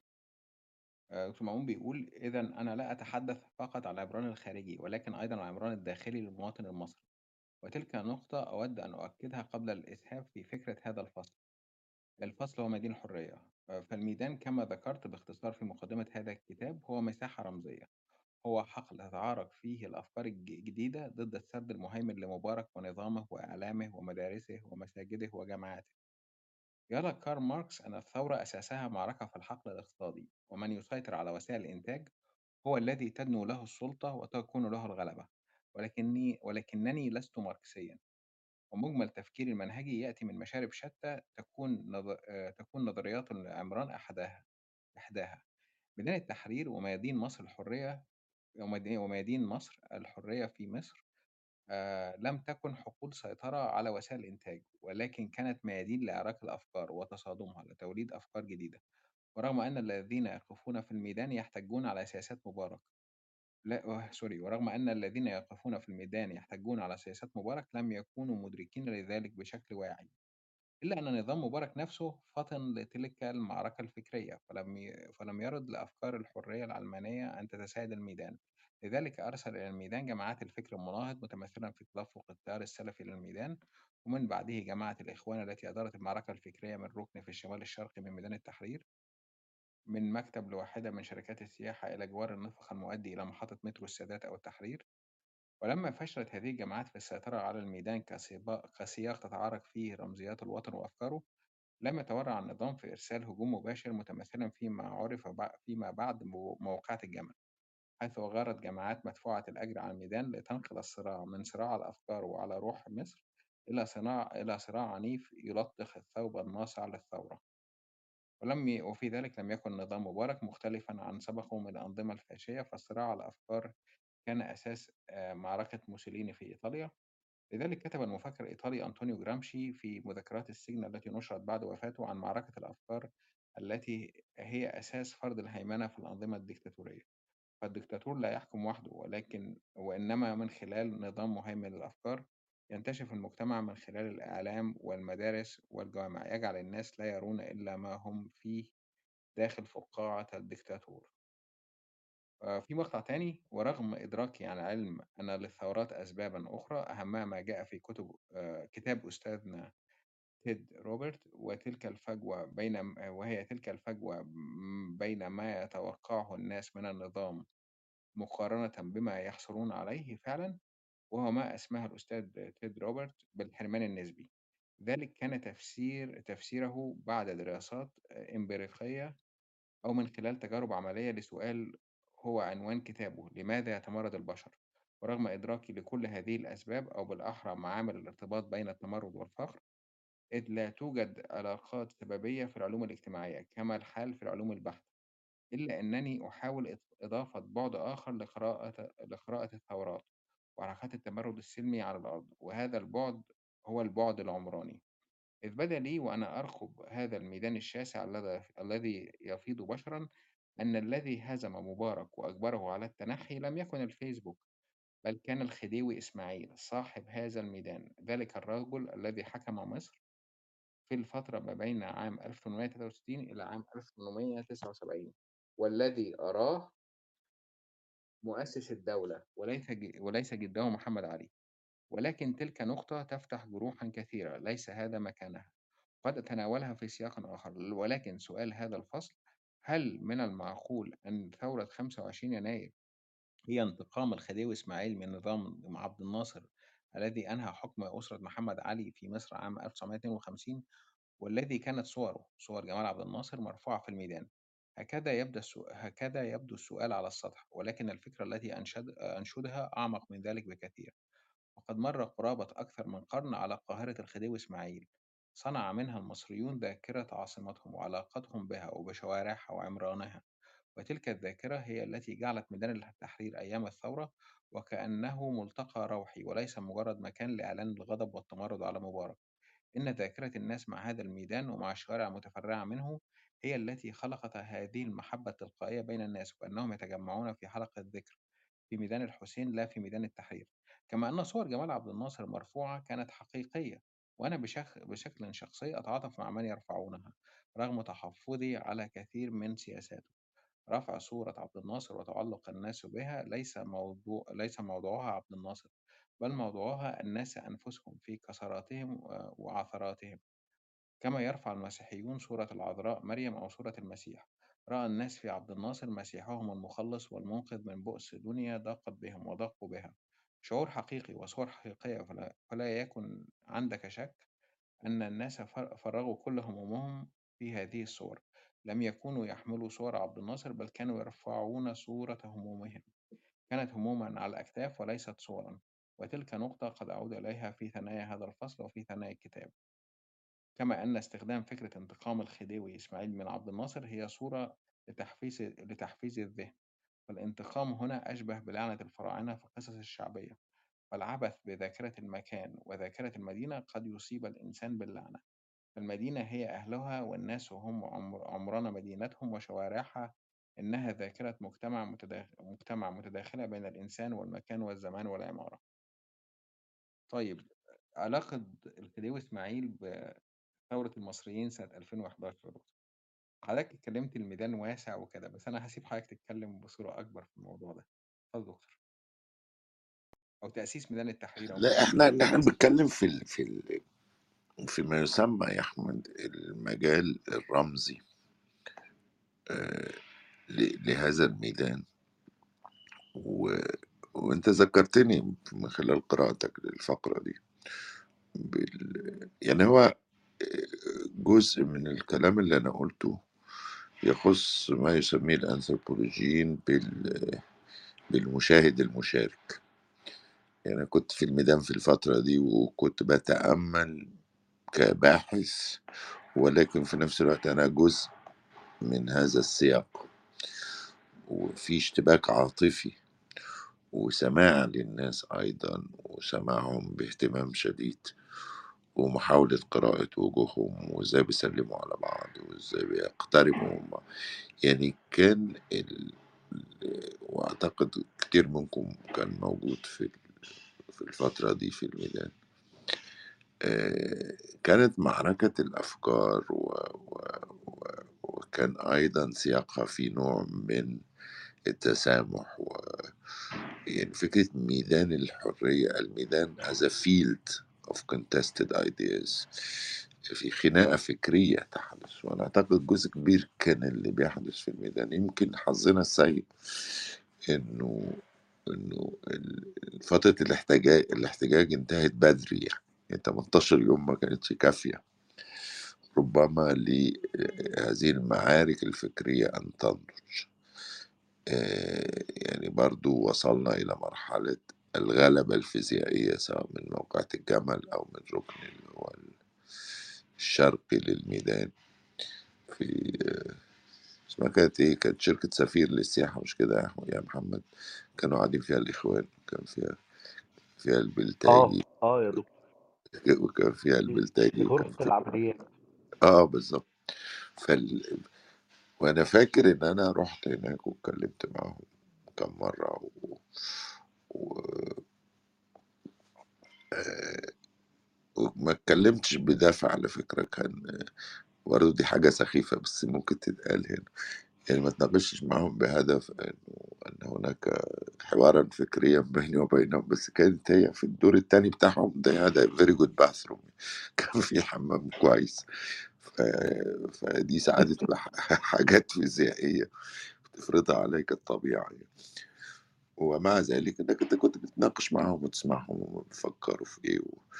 كان على طول قدامها اللي هي محطة المترو اللي هو مدخل من مداخل محطة المترو قيل بعد كده إنه عذبوا ناس فيها ما أعرفش حقيقة ده إيه بس آه، بس شفت ناس كتير زي كان كان في أحمد منصور مذيع الجزيرة كان في البلتاجي كان في راجل كان راجل طيب جدا حبيته مستشار محمود الخضيري كان راجل فيه من الطيبة و يعني يقال كان يقال انه من الإخوان بس أنا حسيته انسان فيه من التقوى أكتر منه فيه من التدين التنظيمي آه، ما أعرفش هو عايش ولا توفى الله يرحمه. كان الله يرحمه في كل الله يرحمه توفى الله. الله يرحمه في توفى كل الحالات يعني. حسيت فيه طيبة جميلة يعني في حوار جد لما وأنا انجزت بس هي الفكرة إنه في في رمزية صور عبد الناصر يا أحمد وغير كده قلت لك الناس مش رفع عبد الناصر هي رفع همومها ورفع أمالها وانتكاساتها إلى آخره. آه، يعني السلفيين كانوا موجودين الليبراليين كانوا موجودين. آه، كانت في ثورة كان في ثورات خاصة جوه الثورة زي ثورة اسمه فنان التشكيلي عناني كان يقول لك اطلع بره الثورة. كان عنده كان عنده منصة معرفش لحد منكم فاكر. آه، فكان في خناقة يطلع فكرية بره الثورة بتاعتنا كان بيصحى بالليل يطلع عينه. آه فكان في يعني وكان داخل الثورة يا محمد كان في ثورات صغيرة داخل الميدان. آه، لكن السؤال الأكبر هو إنه آه، يعني الفترة الناصرية عملت مدينة نصر وعملت إمبابة وعشوائياتها. فالفقراء اللي جايين يثوروا جو لميادين الخديوي ما لقوش ميدان في إمبابة يشيل الناس دي ولا ميدان في مدينة نصر. آه، جم لمعمار الخديوي وحتى في اسكندرية في القائد إبراهيم وفي السويس إلى آخره فكرة التخطيط الأوسع اللي هو كان فيه. جزء من الليبرالية وفكرة أن أن هناك مجتمع ودولة وأن الدولة ترى المجتمع والمجتمع يرى الدولة إلى آخره ففكرة إعادة قراءة الميدان وإعادة قراءة المساحة و- وإعادة قراءتها بشكل مختلف عن الريجيديتي أو ال- الجمود الخاص بأنه العالم المادي هو الذي يشكل الوعي وأن العمارة هي التي تشكل الوعي. لا كان في أيضا فكرة آه، أن ال- الوعي يشكل رؤية الناس لعالمهم. كان ساعات بيزعلني كتير يعني أنه فكرة مدينة زي القاهرة وخصوصا وسط البلد والحاجات دي الحاجات اللي هي طرقت عليها اللي هي العبث بذاكرة المدن. يعني وما يجعل لل- الأنظمة الثقافية الاستمرارية هو أن ذاكرة ال- ال- الشوارع والمقاهي والميادين أن هناك ذاكرة مشتركة للناس إنما لما شارع فؤاد أو عدلي أو غيره إنه بعد تلاقيه اسمه الجمهورية ولا اسمه 23 يوليو ولا 26 يوليو معرفش ففي في عبثية في الموضوع آه، بتعمل خلل ذهني. وده أعتقد اللي يعني محاولة اكتساب المصريين لمدينتهم ولذاكرتهم الجمعية وكل ده كان جزء أساسي أيضا من ترميز الثورة والمشاركة الوطنية. يعني يعني ما كانش في فكرة برضو ال caste system في الميدان. يعني هتلاقي ابن ال- الباشا المدعى مع ابن الفلاح مع الراجل اللي جاي من آخر الدنيا. آه، هم كلهم مصريين. وعندهم آه دوائرهم المغلقة ساعات جوه في ثوراتهم الداخلية. لكن كانت سمة عامة هي سمة الناس بتفكر مع بعضها في مخرج من هذه الأزمة. وبتوجهات مختلفة والكل متسامح مع التوجهات المختلفة. آه الخديوي له ما له زي مبارك وعليه ما عليه. طبعا أنا مش الخديوي إسماعيل بالذات آه يعني أدعي أن لنا معه ثأرا شخصيا. آه يعني إحنا عائلتنا في الجنوب كان يعني هو فندي الاسم الرابع اللي أنا وقفت عنده بس هم آخر العائلة اسمه آه، جدتي الله يرحمها تغني بتقول ولد أبو طراف بسيوف إرهاف قتلوا الصراف ورموا راسه في الجواجي آه، كان في حالة من التمرد ضد الجباية وضد الصراف اللي بيجي ياخد فلوس الزراعة. فكان جزء من من أهلي زمان في الفترة دي كانوا ما بيدفعوش ال- ال- الجباية وأرسل آه، إسماعيل باشا تجريدة كاملة مش لينا فقط ولكن لأسر مختلفة في المنطقة ما بين نجا حمادي لحد إسنا كان فيها اللي كان فيها حركة الطيب وأرسل أفندينا تجريدة كبيرة لتأديب المتمردين في المنطقة دي. فما كناش يعني إحنا مبسوطين بالخديوي بمعنى إنه لا ده مأمون فندي رجل يحن للملكية مش صحيح الكلام طب أنا عندي مفارقة معاك يا دكتور في اتفضل في اتفضل يعني الموضوع يعني يعني دلوقتي إحنا بنتكلم على الخديوي إسماعيل و... وإن هو لو جينا بصينا يعني لمحمد علي آه، وفكرة الحداثة والتخلص من الحكم الديني أو السلطة الدينية من الجامع الأزهر اللي استمرت مع الخديوي إسماعيل والخديوي إسماعيل لما عمل القاهرة وجاب هاوسمان آه، إنه يعمل يخطط القاهرة كان هو امتداد لفكرة الحداثة. فأنا أنا أنا أنا شايف الموضوع بشكل مختلف إنه الميدان بقى إخوان وسلفيين. إنه إنه أنا مش شايفه زي ما حضرتك شايفه كده. أنا شايف إنه الخديوي إسماعيل كان بي بي بكل أماله بتروح في ثورة 25 يناير. إنه الثورة اللي هي ثورة حداثة أو ثورة شباب وثوره ليبرالية آه، يتم إجهاضها بالإسلاميين. أنا فدي مفارقة غريبة يعني نطت في دماغي وحضرتك بت طبعا ما بين الماضي والحاضر يعني. حق. بس هو الفكرة يا باشمهندس علاء هو إنه هؤلاء الناس أيضا لم يجدوا مكانا آخر الا إلا مساحات الليبرالية التي تتسع آه، لهم. مساحات الليبرالية بالمعنى الفيزيائي العمراني وتخطيط المدن. فهم رغم آه، ضيق الأفق لم يجدوا مكانا لل- للسيطرة غير مساحات الحداثة اللي انت اتفضلت فيه ففي النهاية الحداثة أر- أرحب وأوسع. وكان في قصة لل... للطيب صالح قديمة اسمها دومة واد حامد كان فيها الإنجليز بيحاولوا إن هم يشيلوا دومة اللي هي فيها ضريح واد حامد اللي هو الولي الكبير على ال... على النيل من أجل بناء مرسى للبواخر إلى آخره. ولكن في نهاية المطاف هو اللي بيقولوا آه، الطيب أن المكان يتسع للجميع وأنه وأنه يمكن للحداثة وال وال وال والتقليدية أن يجتمعوا في مكان واحد. وأعتقد وجود شيء زي جامع عمر مكرم ملاصقا في ميدان التحرير أو جزء مكون من مكونات ميدان التحرير أنه المساحة الليبرالية آه، كافية لاستيعاب الجميع أو الحداثة تستطيع استيعاب الجميع. ولكل حداثته لو حب يبقى هناك حداثة إسلامية فلا فلا غرو كما يقولون يعني مفيش مفيش مانع. آه، لكن زي ما انت قلت اللي هي ممكن تسمى ايروني فيت يعني من سخرية القدر انه انه ده حصل.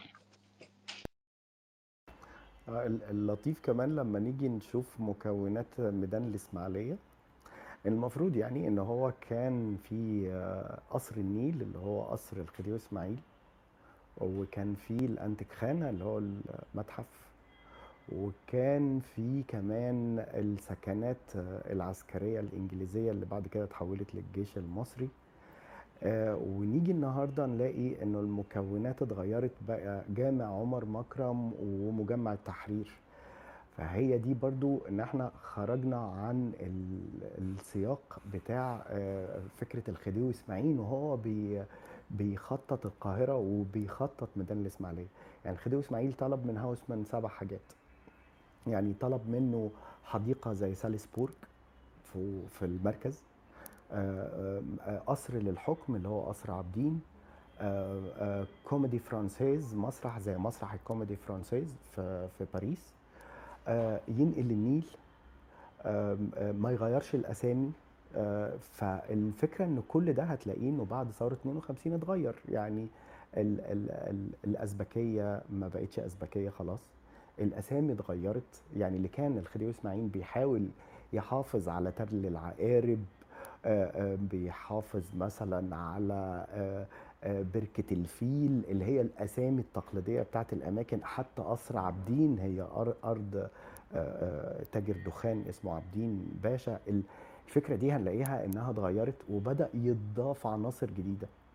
العناصر الجديدة أنا شايف إن هي اللي وصلت هي اللي كانت ضاربة للحداثة. يعني خبطة الحداثة بدأت من 52 اللي هي وصلت ل 25 يناير. إنه بقى في مجمع تحرير وبقى في عمر مكرم آه، اللي هو ما بقاش في مشهد آه، آه، قصر النيل بالأربع سباع اللي هم بيمثلوا الخديوي إسماعيل أبو السباع عشان فاتح إفريقيا اللي هو تضاؤل دور مصر الإقليمي كمان. يعني لا يعني هو الرمزيات كتيرة جدا يا دكتور. مش عارف دكتور مأمون جاله تليفون؟ ف دكتور مأمون رجعت؟ لا على فكرة يا باشمهندس علاء أنت جبت حتة كويسة قوي موجودة في الكتاب اللي هي أنا كنت هذكرها يعني. اللي هي طب هقرأ كود كده أو شذرة من الكتاب. آه لم تقم الثورة في كل مصر بل قامت الثورة في مصر إسماعيل باشا ولا سواها. لم تقم الثورة في مدن الصعيد ولا في قاهرة العسكر المتمثلة في الأحياء العشوائية مثل أمبابة والوراق أو مدينة نصر. وعلى الرغم من فقر هذه الأماكن والظلم الذي وقع عليها إلا أنها لم تشهد ثورات سلمية ببساطة لأن هذه الأماكن لم يكن بها ميدان واضح أو ميدان واحد يسمح بتجمع أكثر من 20 فردا. تل- تلك الأماكن التي لا تتمتع بتخطيط شب شبيه بما فعله المعماري الفرنسي هوزمان أو ينطق البعض اسمه هوزمان كما هو مكتوب بمنطقة وسط البلد المعروفة بالقاهرة الخديوية. عمارة عمارة أوزمان في فرنسا وتخطيط باريس قد تم في عصر نابليون الثالث من 1853 ل 1870 وكانت رد ردة فعل للتمرد الذي حدث في الأحياء القديمة المخ- المخططة على طريقة أزقة القرون الوسطى التي كانت مرتعا للتمرد المسلح والذي استعصى على الدولة إخماده. في الفترة بين عام 1830 إلى عام 1848 كانت هناك سبع حركات تمرد في وسط العاصمة الفرنسية. ومع ذلك كان المعلن في الأحاديث الرسمية أن هذه الأزقة القديمة مرتع للأمراض ولذلك يجب إعادة تخطيط المدينة وعُهد إلى أوزمان بذلك. ورغم ما قام به أوزمان إلا أن رئيس وزراء المعارضة طرد أوزمان من عمر من عمله عام 1870 ورغم أن أوزمان رفض أن يغادر عمله إلا الإمبراطور المريض رضخ للمعارضة وتم وقام بطرده. وبعدها جاء أوزمان إلى القاهرة بدعوة من الخديوي ليخطط القاهرة الخديوية على غرار باريس فيما عرف فيما بعد بباريس على النيل. وقد تلافى أوزمان أعمال الهدم التي قام بها في أحياء باريس القديمة واحتفظ بها في حالة تخطيطه للقاهرة. رغم أن تخطيط باريس كان سياسيا بامتياز كان الهدف ما كان الهدف من الشوارع الواسعة هو قدرة الجيش والبوليس في الوصول إلى المتمردين. تخطيط أوزمان في باريس لم يكن تخطيطا للحرية بل كان هدفه سلطة فرنسا نابليون لم تكن لم تكن ديمقراطية صورها الآن. ولكن ما يعرف بالنتائج غير محسوبة في علم السياسة هو الذي حول الشوارع الكبيرة والميادين من وظيفتها الأصلية التي تخدم الديكتاتورية إلى مساحات للحرية. وهكذا كان الحال مع قاهرة الخديوي ومع ذلك لابد لنا أن نقارن تخطيط أوسمان والخديوي بعشوائي- بعشوائيات ما بعد يوليو 1952 وعندما أتحدث عن عشوائيات فإن فأنا لا أتحدث عن إمبابة وعشوائيات الجيزة بل أيضا من يقارن مصر الجديدة التي التي رسمها البارون أنبان مع مدينة نصر التي صنعها العسكر أو حتى مدن السادات كالعاشر من رمضان و6 أكتوبر يدرك الفرق بين التخطيط العمراني التي تكون الحرية مركزية فيه وبين التخطيط العشوائي الذي يمثل حاضنة للسلطوية. خارج مساحة وسط البلد التي تشبه باريس أضحت الضواحي الملاصقة لمصر إسماعيل باشا ضحية للتقسيم الخانق لمن, لمن جاءوا بعده. وأصروا على تخطيط مدن ضيقة ضيقة الشوارع وبلا ميادين وضد الحرية. حضرتك ذكرت يعني ده دكتور قريت حوالي صفحتين في الكتاب حضرتك ذكرت الثورة لم تقم في الصعيد. أنا في بس جزء أنا مش فاهمه يا دكتور يعني ب... ب... أنا ما سافرتش سوريا فأنا مش فاهمه بصراحة. يعني الحتة حضرتك بتقول مثلا إن الثورة لم تقم مثلا بين البدون في الكويت أو بدو اليمن أو مثلا الصعيد في مصر مثلا لأن ما فيش ميادين الحرية. بس قلت إن في سوريا بدأت بالأطراف. أنا فهمتها ما فهمتهاش بطريقة الكتاب اللي هو المنظور العمراني أنا فهمتها بطريقة دكتور سمير أمين اللي هو المركز والأطراف. يعني لو حضرتك تصحح لي. اتفضل دكتور.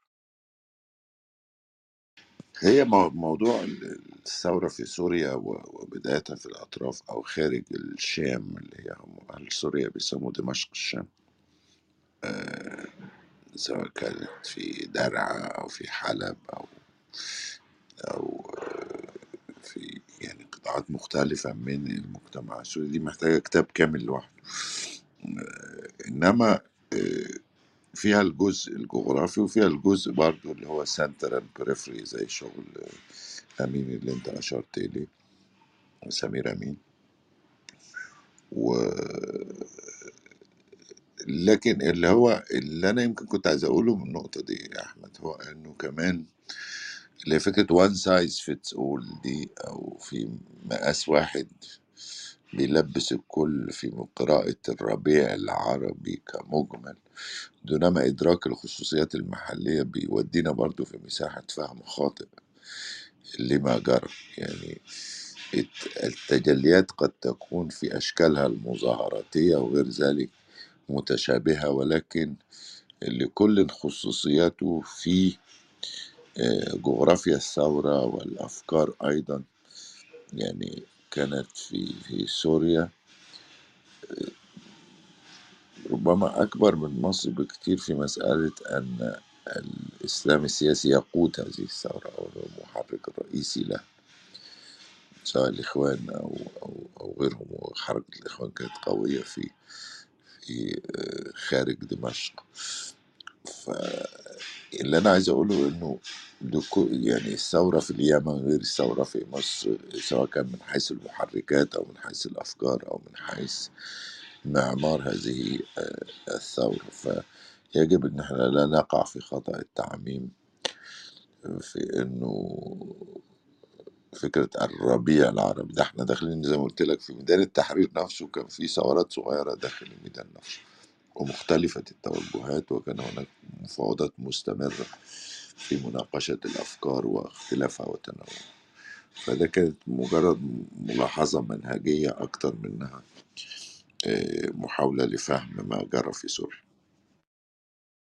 تفتكر يا دكتور اللي حصل في البحرين لما هدموا دوار اللؤلؤة وعملوه شارع ده اللي هو رمزية برضو لهدم عمران الحرية زي ما حضرتك كاتب بس حضرتك مش كاتبها في الكتاب بس أنا افتكرت دلوقتي الموضوع ده وحضرتك بتتكلم إن هدم المعمار الحرية ويلا بقى الاستبداد والسلطوية مرة تانية وكده هو بيرمز لحاجة زي كده أعتقد يعني.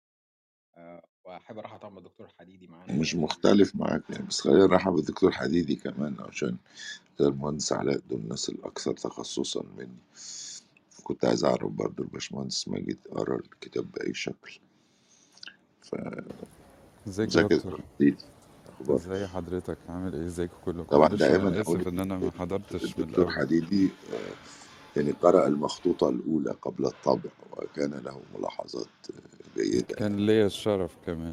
أه والله أنا كان يعني للأسف ما حضرتش من الأول هرجع أسمع طبعا الجزء الأولاني. بس أنا عندي سؤال لحضرتك فيما يخص توصيف معمار آه، خديوي إسماعيل في أو القاهرة الخديوية يعني بما فيها منطقة ميدان الإسماعيلية أو ميدان التحرير. هل آه، يعني حضرتك بت... بتوصفها بمعمار الحرية؟ وهو سؤالي هل كان في ذهن أو في مخيلة خديوي إسماعيل آه، إن هو بينقل نموذج يعني هو زي ما حضرتك قلت ما كانتش آه، باريس بتاعت أوسما ما كانش آه، ما كانش أجواء ديمقراطية أو ما كانتش أجواء حرية كانت ال- الحافز أو الهدف بتاعها سياسي أكتر. آه، أنا اعتقادي شخصيا إنه ما كانش يمكن ال- ال- الحافز بتاع خديوي إسماعيل حرية قد ما هو كان نقل مجرد نموذج غربي. وتصوير تصوير فكرة إنه إنه المجتمع المصري ده أصبح مجتمع مودرنايزد يعني. وال والدليل على كده إنه حتى في في المنطقة الناصرية آه، أو في الفترة الناصرية يعني كان برضو اللي بيحصل هو نقل النموذج اللي هو ال modernity أو ال modern architecture فكرة اللي هي ال one size fits all اللي بتنفع في كل حتة دي اتاخدت زي ما هي واتعملت اللي هي أصبحت بعد كده عشوائيات. وحتى النهارده يعني لو بصينا على التجديدات اللي اتعملت في ميدان التحرير هنلاقي إنه فكرة اللي هي المسلة والكباش اللي حواليها وكده وكأنه إحنا بننقل نموذج Place de la Concorde اللي هو موجود في إيطاليا وبناخده وكان حتى باريس. باريس. آه sorry باريس. آه لكن هي الفكرة في إن هم طول الوقت في آه إن إحنا بننقل نموذج بره وحتى ال debate وقتها كان إنه طب إحنا بناخد آه صورة أو مشهد آه كان وقت ال colonial era ولما كانوا بياخدوا ال- الآثار المصرية وبيعيدوا عرضها عندهم آه لأغراض سياسية يعني for political statement إحنا بناخدها زي ما هي بنكتر الفكرة من غير ما بنفكر في المعنى الرمزي بتاعها يعني. ف ما أعرفش أنا مش حاسس إن الموضوع لا كان لا مش مختلف مش مختلف معاك يا دكتور إبراهيم. وأنت أعتقد ليك سمات في الحاجات دي مهمة زي ما أنت بتقول. حتى الفترة اللي إحنا بن بنعيشها الآن أو مجموعة التغيرات اللي بتحدث الآن ما هو أنت وإحنا اتكلمنا في ده أعتقد على الشخصي إنه إنه في جنرال سافر آه، إجازة وراح فينيس.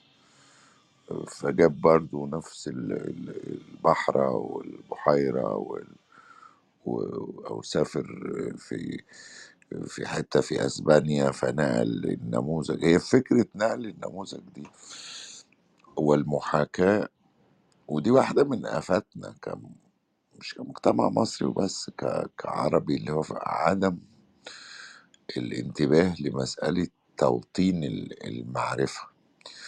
أو توطين المفاهيم. يعني هو المفروض إن التربة بتاعتنا بتطلع نخل وبتطلع يعني في شتلات معينة تنمو عندنا وفي شتلات لا تنمو. آه، أو محتاجة تهيئة التربة لهذه الشتلات أن تنمو. لكن هو جزء كبير حتى في حتى في الشكل المعرفي يا دكتور إبراهيم اللي خد تجربة طه حسين والطحطاوي وآخرين برضو ما عملوش تزاوج بين المنهجية ال- الغربية اللي هي جاي بيها سواء من ديكارت أو غيره مع ال- النظرة المحلية لل- للمعرفة أو فكرة ال local knowledge وحتى اللي بيعملوا العكس زي حسن فتحي بيبقوا غارقين في المحلية. اللي هو لأ إحنا بنرفض هذا النموذج وإنه في القبو وفي المعرفش إيه وبتاع. وأنت شفت اللي حصل لقرية حسن فتحي في الجورنة فهو ال... ال...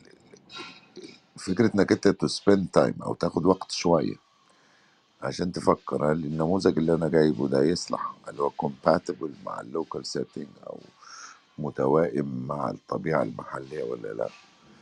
آه، فكرة النقل ال- المباشر ده آه، هو اللي بيودي الناس في داهية. بس ساعات بتحصل فيها عملية normalization أنا دايما باخدها في في معمار الجسد مثلا. يعني أنا برجع الصعيد بلبس جلابية وجسمي بيكون comfortable في الجلابية. يعني مبسوط ومرتاح وإلى بس بعد شوية أطلع عشان أروح المطار وأمشي بحط pair of jeans ولا بحط بدلة. وفجأة أنا بحجم نفسي و- وبخنق جسمي وأضعه في حالة من طب الضيق يا دكتور فندي إيه الطبيعة المحلية؟ الطبيعة المحلية اللي هو فكرة إنه يا باشمهندس علاء هي الفكرة إنه روحك تبقى زي ما ال... ال... ال... يعني المثل بيقول إنك تبقى مستريح في جلدك إنك أنت you don't have to squeeze yourself يعني هو ليه أنا ليه أنا وأنا بقول لك بأمانة جدا الناس بيرتاحوا في الجلابية والعمة ووضعي اللي هو الصعيدي بس إن أنا عشان أبقى جزء من الحداثة بعمل شوية إيه، تقليص للجسد يعني. العمة بتديني تقريبا عشرة سنتي فوق راسي فبقى أطول مما أنا والجلابية بتضخمني شوية و... و...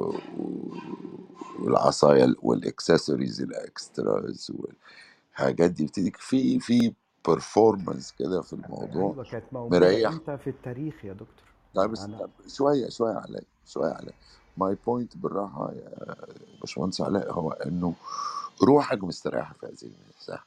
فما الذي يمنع إن بيتك كمان يبقى له رئتين كده تتنفس منها يعني؟ وإنه وإنه بيتك يسمح ب ب- بعلاقاتك المختلفة. يعني يعني مثلا كان عندنا مثلا في البيت كان عندنا جمل وحصان وكلبين و... و... وخراف ومعيز وكل الحاجات دي. المساحات دي كلها كانت متشابكة لأنها جزء من ترابط عضوي. إيه، أنا ما أقدرش دلوقتي إلا يعني أربي كلب مثلا في بيتي هنا هو هيبقى بومرينيان صغير كده وملوش لازمة عشان البنات يبسطوا بيه يعني for ترفيه لكن مش علاقة عضوية. فهو إنك أنت دخلت في عمارة is not your own it's not your spirit مش دي روحك أنت. وأنا أعتقد ال- البصمة الشخصية في البيت يعني لازم ما يبقاش فكرة فيها uniformity إن إحنا كلنا نبني بيوت زي بعض. زي ما جاب عبد الناصر نموذج رومانيا ونموذج اللي قال عليه الدكتور إبراهيم من شوية مسألة النقل المباشر الفج آه، بيخليك حتى انت من جوه ديستورتد انت من جوه بتحصل لك عملية آه، تشوه داخلي. وأنا اعتقد جزء منها خناقة أزمة الهوية ومين إحنا إلى آخره اللي هي القص واللزق اللي حصل. ما أعرفش انت هتوافق على ده ولا لأ بس أنا شايف انت جاي منين؟ انه انه what you consider origin أو إنه أصيل هو وأصيل بالنسبة لك في تاريخانيتك أنت يعني ممكن ممكن قبلك بمراحل معينة ما كانش الناس حتى يلبسوا اللبس بالشكل اللي أنت متصوره محلي أو آه إلى آخره. بس هو فكرة إنك أنت تبقى بي comfortable على محوري الزمان والمكان. أنت مستريح في جلدك. أنت لا تلهث أن تكون somebody else. يعني لا تحاول إنك أنت تلهث وراء نموذج هو مش مش بتاعك. وهاخد كلمتين صغيرين وأسيبك ترد بعد. يعني مثلا اتربيت أنا في الفترة اللي البنت في الصعيد مثلا كان آخر الميك أب بتاعها هو الكحل. يعني البنت جرى الكحله بشكل معين. إنما وشها بض وناضج وحلو من غير كمية المسحيق والكلام بس بعدها دخل ادخلوا الناس في فكرة إنه آه، when the face fits the mask. يعني إحنا الماسك بتاع الحداثة ده بشكل معين لفكرة الوجه.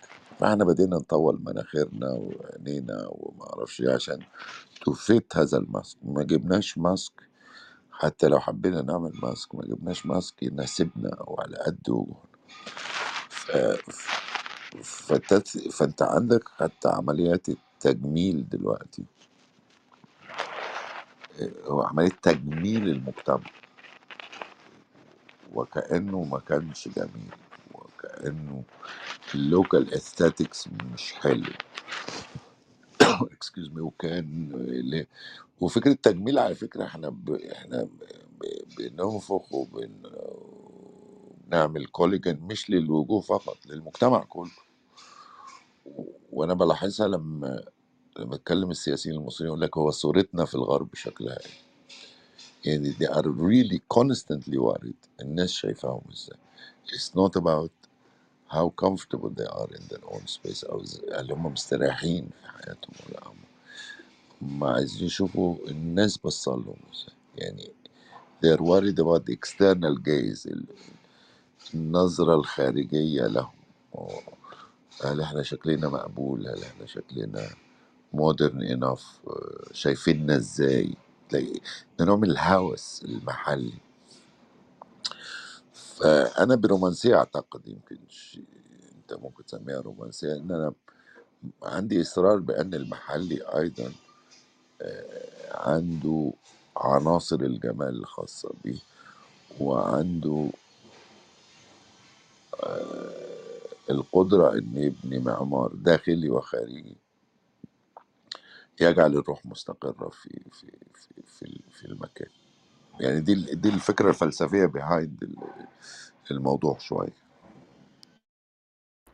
يا دكتور هي الفكرة الفلسفية جميلة ومبهرة لكن هي مش حقيقية. أنا بشوف إن إحنا علينا إن إحنا نستمتع. نستمتع حالة النفي أو حالة النقد. إحنا من إمتى كان عندنا آه، شكل واضح؟ مسجد آه، أحمد بن طولون كان زي سمراء. في العراق منقول. آه، حصن بابليون كان منقول من العمارة الرومانية. آه، قلعة آه، صلاح الدين كانت منقولة من قلعة حلب اللي, كانت في سوريا. جامع محمد علي اللي جوه القلعة منقول هو كمان من العمارة البيزنطية اللي خدوها العثمانيين من آيا صوفيا وسانتا صوفيا أنا أنا شايف إن إحنا علينا إن إحنا نستمتع. يعني حالة نقل الثقافة وإن إحنا يبقى عندنا فكرة إنه الفن والعمارة تبقى عابرة للمكان دي لازم حاجة ضرورية لأنه حقيقي إحنا ما عندناش ما عندناش حاجة نتسند عليها نقول هي دي بتاعتنا اللي إحنا بنتخلى عنها أو هي اللي نمت عندنا النبتة اللي حضرتك بتتكلم عليها اللي هي اتنقلت الشتلة اللي اتنقلت من أرض لأرض.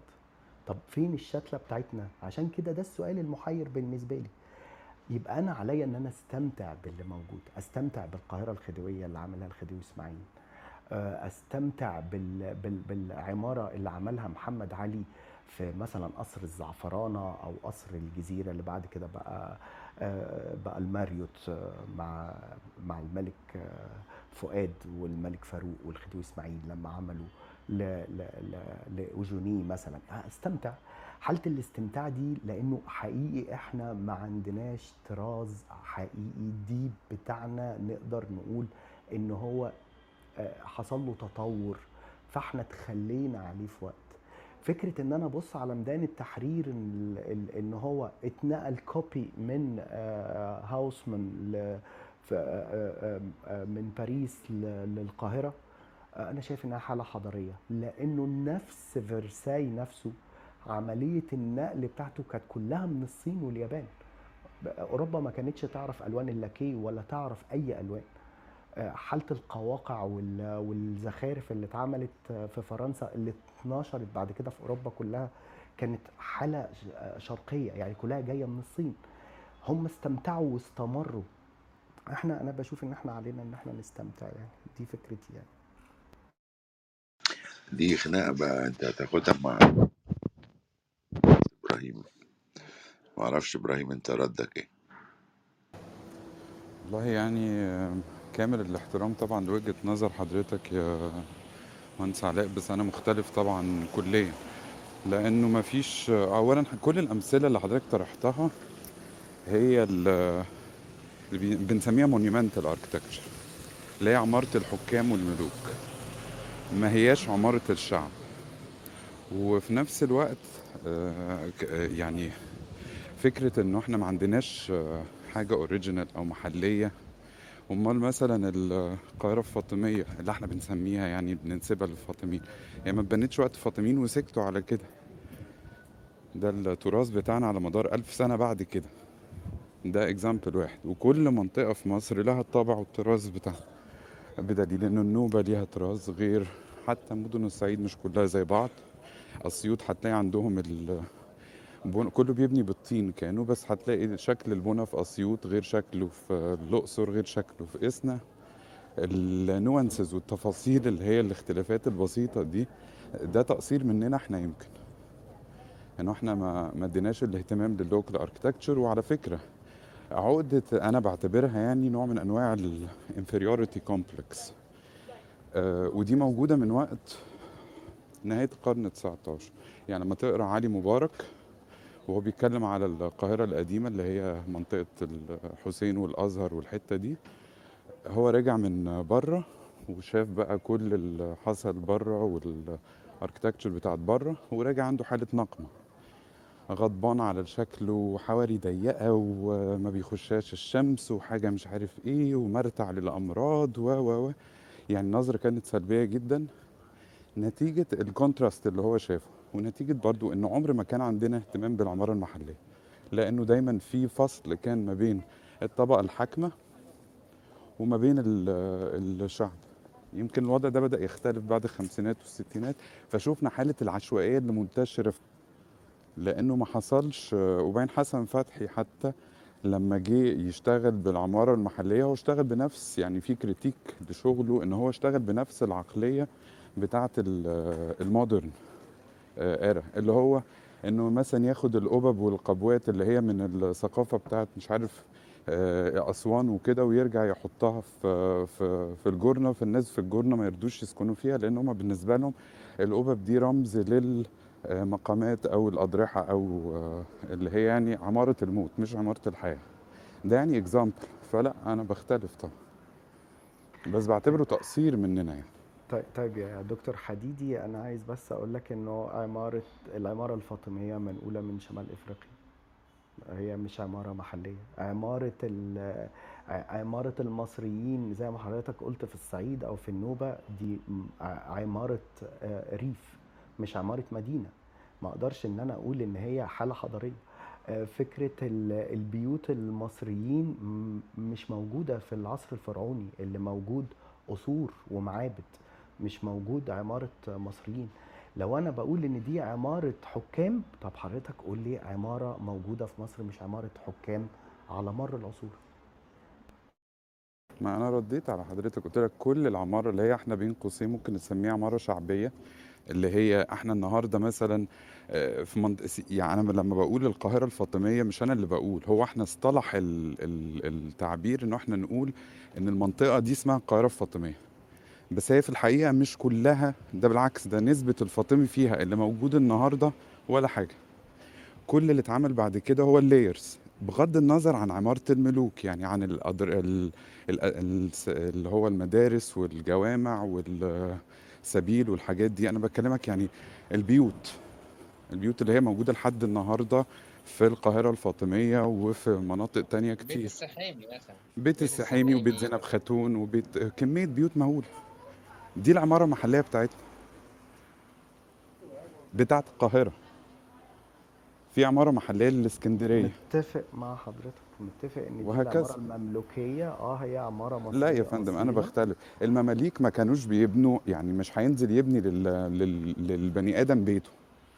الناس هي بتبني بنفس ال- ال- التراديشنز اللي كانت موجودة عندهم. مملوكي. هو طراز مملوكي. يعني يعني هو اسمه كده. ما أختلف يعني أنا. ما هي زي آه، الطراز انت الفاطمي كده. لما أنا أقول يعني مش قصة مش حابب. حابب الاسم بس هو طراز مملوكي. لا لا مش قصة مش حابب. هو اختزال يا فندم. إحنا بنختزل يعني بننسب العمارة والطراز اللي موجود للمماليك. إيه المماليك؟ إيه اللي مملوكي في البيوت اللي هي زي بتاعت زينب خاتون وكده؟ المماليك دول شراكسه هل بيوتهم في المناطق اللي هم جم منها أنا شبه دي؟ للتدخل. أنا آسف للتدخل في الحوار. بس أنا حاسس إن إحنا خدنا نص عنوان الكتاب العمران وبدأنا نتكلم فيه بمعزل عن بقية العنوان اللي هو السياسة عملية التأخ- التأريخ للعمران وأصوله ومنشأه. أنا من وجهة نظري الضعيفة جدًا أو ال اللي ما تستحقش إنها تكون ذات اعتبار، ما هياش ما هواش ال الأصل في الموضوع، الأصل هو في الربط وإعادة التفكير وإعادة الربط بين الأحداث وطبيعة الشعوب اللي نشأت وتحركاتهم الاجتماعية والسياسية نتيجة لتأثرهم نتيجة تأثرهم بالعمران الموجود. وأنا باعتقد إن ده الapproach اللي المفروض نكون دايمًا مصممين إن إحنا نجيب رجل دكتور فندي فيه، أكتر من فكرة التأصيل أو التأريخ لأصول العمارة وهي جاية منين ومتأثّرة بمين. أنا آسف ل ل ل للي أنا باقوله، بس صححوا لي لو أنا غلط. لأ عندك حق طبعًا، عندك حق طبعًا، إحنا ب ممكن تكون كل المناقشات تفتح بس مجالات لل لكن عند حضرتك حق طبعًا. إيه. هو طبعًا ال ال الأستاذ ماجد أنقذني شوية، فلأ شوف هاقول لك حاجة يا ماجد هي نقطتين، هو ال المفردات خلّينا نيجي بعيد عن العمارة وندخل للغة شوية، المفردات موجودة. المفردات موجودة في اللغة، ولكن ما يجعل العبارة شعرًا أو نثرًا. هو طبيعة العلاقات التي ينتجها المؤلف من هذه المفردات، يعني إحنا بنسقّف للشارع لأن للشاعر لأنه خلق علاقات جديدة بين مفردات كانت طبيعية قدّامنا وإحنا مش شايفينها، فهو جزء كبير من شغل ال التفكيك وال والمعرفة هو إعادة تركيب العلاقات مرّة أخرى، وأحيانًا بطرق صادمة حتى آآ تنتهي فكرة الnormalization إن الناس ما تشوفش ده وكأن ده هو هذا هو الطبيعي، لإعادة قراءة ال المشهد من خلال مفردات جديدة وعلاقات جديدة وdictionary جديد أو يعني آآ مش هاقول لغة جديدة، بس علاقات جديدة في الأساس ومفردات جديدة بتخلّي الناس تعيد التفكير فيها وتعيد قراءة المشهد، يعني أنا من الناس اللي بيؤمنوا بإنه آآ reading Egypt through architecture أو قراءة إعادة قراءة مصر من خلال العمران، هتكشف زوايا كانت مظلمة إنك أنت تيجي تقرأها من خلال المؤسسات وعلاقاتها ببعضها البعض أو الأفراد.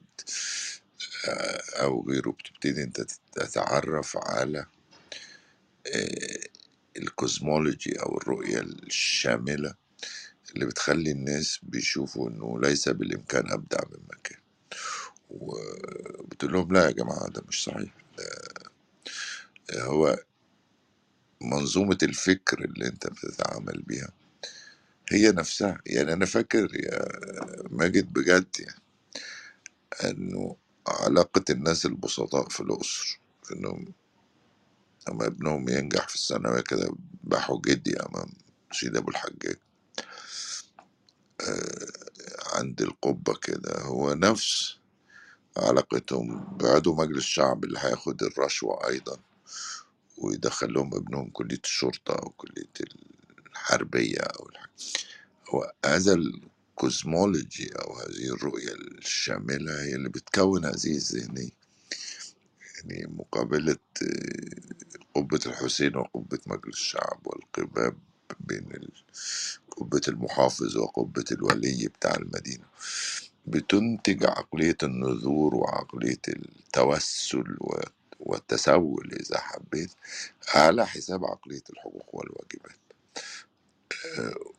فلمّا تبتدي تفكك صورة بهذا الش الشكل واحد يقول لك that that sounds interesting. شكل الموضوع ده. آه يستاهل إن أنا أعيد النظر فيه. فدي الحتة اللي أنا جاي جاي منها يعني إنه إعادة تركيب آآ تفكيك وإعادة تركيب المشهد من منظور عمراني يتيح لنا، بس مش معنى كده هو التخلّي على إنه إنه الناس المتخصصين لهم رؤية أوسع وأرحب وأفضل طبعًا في مسألة historicizing النمط أو البُعد التاريخي لهذه الأنماط اللي إحنا عايشين فيها. دكتور هو في سؤال جه لحضرتك في الchat من داليا، بتقول لك: "هل في شيء معيّن مرتبط بهوية أو ثقافات الشعوب بيخلّيهم أكثر إبداعًا في مجال العمارة؟ أو هل التاريخ أو المجتمع ممكن يكون ليه تأثير على النمط المعماري والفني في الدول المختلفة؟"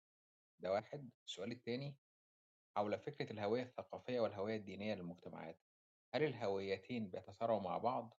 هل ممكن يكون في هوية مجتمعية منفصلة عن الهوية الدينية ولا الهو... ولا الهوية الدينية بتطمس الهوية الإنسانية أو المجتمعية إلى حد كبير؟ هي السؤال الأولاني السؤال الثاني كان طب إيه؟ أنا أنا أنا هجاوب على التاني وأخلي السؤال التاني الأولاني للدكتور الحديدي والباشمهندس علاء اللي هم آه، أكثر تخصصا في الفكر. بس هو لو قلنا العمران بالمعنى الخلدوني يعني في المقدمة كان في الجملة الشهيرة لابن خلدون اللي هو بيقول عندما جاء الإسلام إلى مصر آه، لم تتم أسلمة المصريين بل تم تمصير الإسلام وتلك هي عادة مصر الحضارية الحضارة الأقوى القابلة على إنها تستوعب الآخر. فهو الفضاء الثقافي أرحم بكثير من فكرة الفضاء الديني. فمسألة أن أنه يكون هناك صراع بين ال- الاتنين ده مش دايما كلام يعول عليه. هو مفتعل إلى درجة كبيرة. ويدعونا للتأمل كيف أن الثقافة المصرية كانت قادرة على استيعاب فكر ديني مختلف. ثم بعدها دخلت في مسألة الصراع اللي هو الضعف للهوية والثقافة أو انحسار لها. وما هي أسباب هذا الانحسار؟ يعني يعني ما هو أنت كنا بنتكلم في الكلام ده يمكن امبارح يا أحمد في مسألة الفن وإنه وإنه مصر إلى حد كبير كانت centripetal society أو مجتمع جاذب ما كانش سنترفيجل ما كانش طارد. فكان بيجوا الشوام والمعرفش والمغاربة وغيره وغيره وغيره ويعيشوا ويذوبوا في هذه المجتمع وهذه الثقافة. إحنا الآن بقينا وصلنا لمرحلة very defensive أو xenophobic كده إن إحنا قافلين على نفسنا لدرجة أو ممسكين بما تبقى من فكرة الهوية والثقافة المصرية لدرجة ال- يعني هي فكرة الإنسان الخائف جدا يعني الثقافات الخائفة أو الثقافات المرتعدة اللي هي ما عندهاش الثقة الحضارية اللي كان بيتكلم عليها. فهو صراع مفتعل آه، نتيجة لانحسار لفكرة الثقافة أو ديكلاين أو يعني تراجع آه، ثقافي الجزء التاني أعتقد الدكتور حديدي وباشمهندس أحسن مني في الإجابة عليه معرفش دكتور إبراهيم قرأ. قرأ حاجات كتير من الهويات المحلية وأنا... يا ريت دي فرصة يا دكتور إبراهيم إنك أنت تقول للناس أنت بتشتغل على إيه حتى طيب هو بس أنا أحب أسمع السؤال تاني عشان أنا ما يعني okay مم. سؤال لحضرتك هو فكرة العمارة هل في شيء معين مرتبط بهوية أو ثقافات الشعوب بيخليهم أكثر إبداعًا في مجال العمارة؟ أو هل التاريخ أو المجتمع ممكن يكون ليه تأثير على النمط المعماري والفني في الدول المختلفة؟ طيب يعني أنا وجهة نظري بناء على ال approach يعني اللي أنا باخده في في في العمارة هو إنه كل عمارة هي منتج أس يعني المجتمعات هي نتاج الثقافة بتاعتها وال والثقافة دي.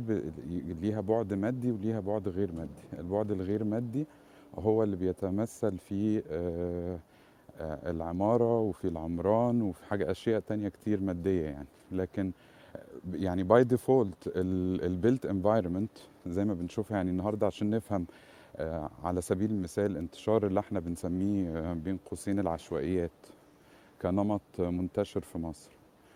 اللي هو الطوب الأحمر وخرسانة وكده ده آه، أنا بعتقد إن هو بيعكس ال- الوضع الثقافي اللي إحنا واصلين له أو فيه النهارده.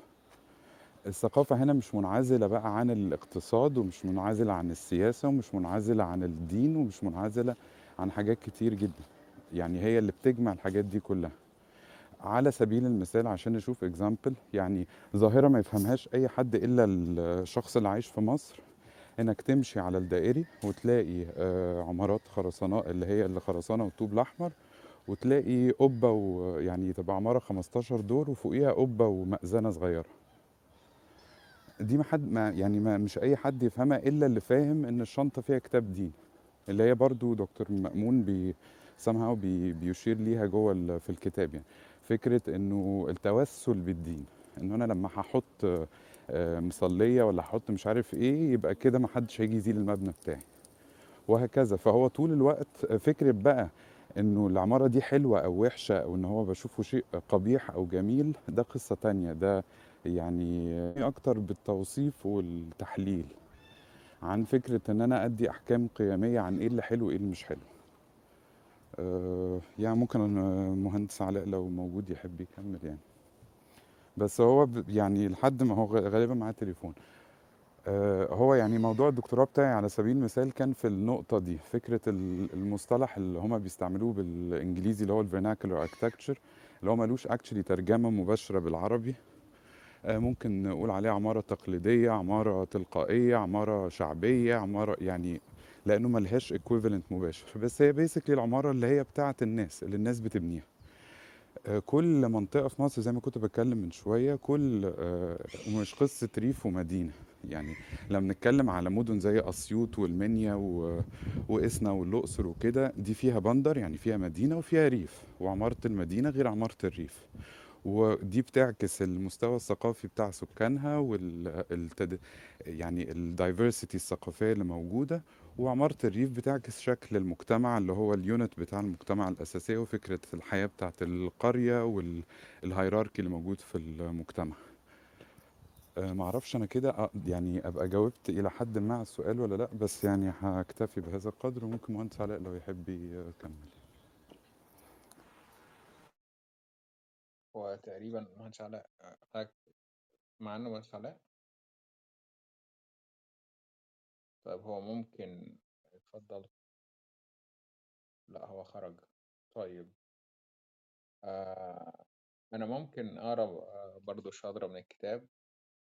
آه، دكتور مأمون بيقول المنظور العمراني قد يفتح آفاقا في رؤيتنا للتمرد والثورات قد يساعدنا على فهم أماكن حدوث الث- الثورات وعدمها. فمثلا كان ما يشغلني أيام ثورة يناير هو لماذا لم تحدث الثورة في الصعيد؟ لماذا لم تمتد لم تد لم تمتد الثورة في تلك المساحة الجغرافية التي تسمى بحزام الفقر في مصر والممتدة من هرم خوفو في الجيزة حتى معبد أبو سمبل جنوب أسوان؟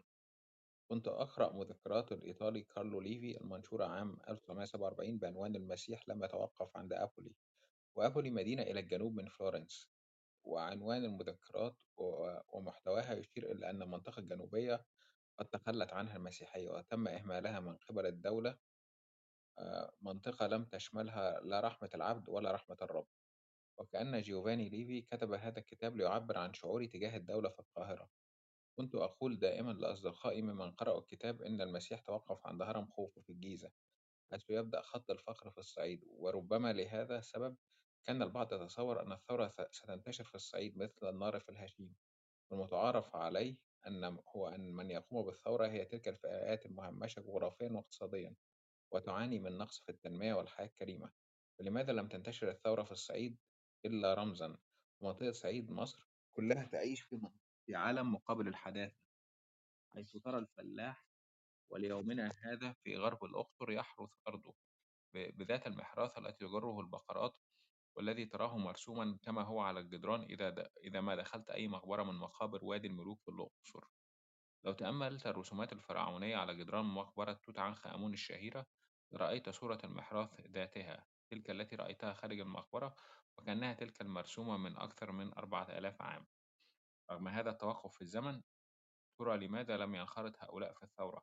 كما أن الثورة في ليبيا وفي تونس كانت ثورات مدن مثل بنغازي وتونس العاصمة رغم أن الشرارة الثورية انطلقت من سيدي بوزيد جنوب تونس العاصمة ولكنها لم تتمدد جنوبا بل امتدت إلى العاصمة حتى سقط نظام بن علي. ترى لماذا لم تشتعل نيران الثورة في الجنوب التونسي أو لماذا لم تجرف الرياح نيران جسد ال- البوعزيزي المحترق وتنقلها جنوبا تجاه الداخل التونسي بدلا من شمالا تجاه العاصمة لماذا لم تثر الأطراف في حالتي الثورة المصرية والتونسية؟ لماذا لم تلتهب الثورة في حزام الفقر كما تقول الحكمة التقليدية أو الكليشيهات التي تبناها دراسات الحداثة وبناء الدولة في الأدبيات الرائجة؟ سأعرض هنا تف... لتفسير قد لا يكون مقبولا لأول وهلة ولكن مع مزيد من التفكير قد يقتنع البعض بوجهة نظري. طبقا كما تعلمنا في منهجية العلوم السياسية لابد وأن تكون هناك حالة أو حالتان تضحت النظرية التي أتبناها حتى يكون للتنظير معنى.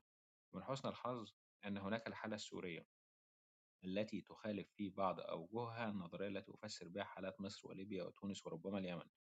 يمكن مد السؤال إلى أن يكون لماذا لم ينخرط البدون في احتجاجات الكويت أو البدو في اليمن وغيرها؟ وهنا أطرح البدون بمعنى أوسع ليس بمعنى بدون جنسية ولكن بدون انتماء للدولة. مهم كما ذكرت أن تبقى هناك حالة أو حالات تكذب النظرية. ففي سوريا كان تمرد في الأطراف لا في دمشق في درعا وحمص وحماة إلى آخره. وهذا يقوي نظريتي ولا يضعفها. لماذا لم ينخرط الصعيد في الثورة المصرية؟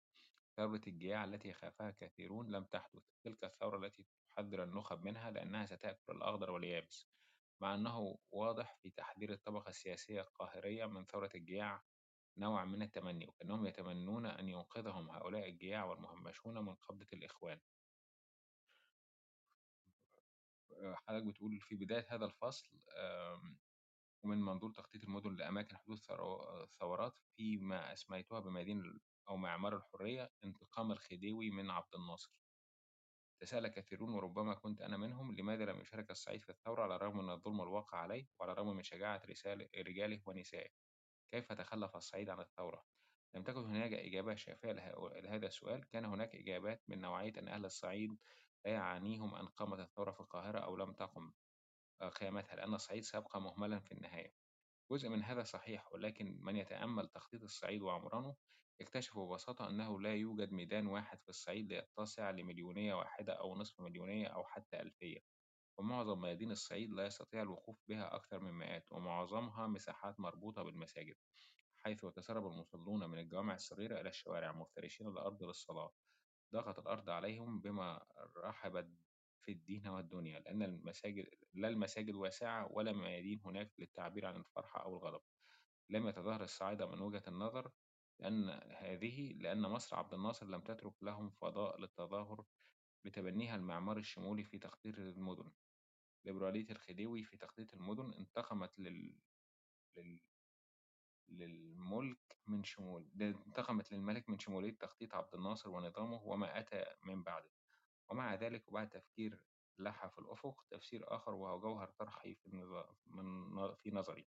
من يعرف تاريخ الصعيد والذي سأحاول أن أتخذ منه نموذج هنا لتوضيح جوهر الفكرة. يدرك أن الصعيد وفي عهد الأسرة العلوية أي أسرة محمد علي كان أبناؤه يرفضون التجنيد وكان في بعض المناطق في قنا وسوهاج وأسوان يتم بتر أصبع الزناد والذي يضغط لإطلاق النار من البندقية أو أو السبابة أو السبابة من اليد اليمنى مع ختان الطفل حتى لا يتم تجنيده في جيش أفندينا.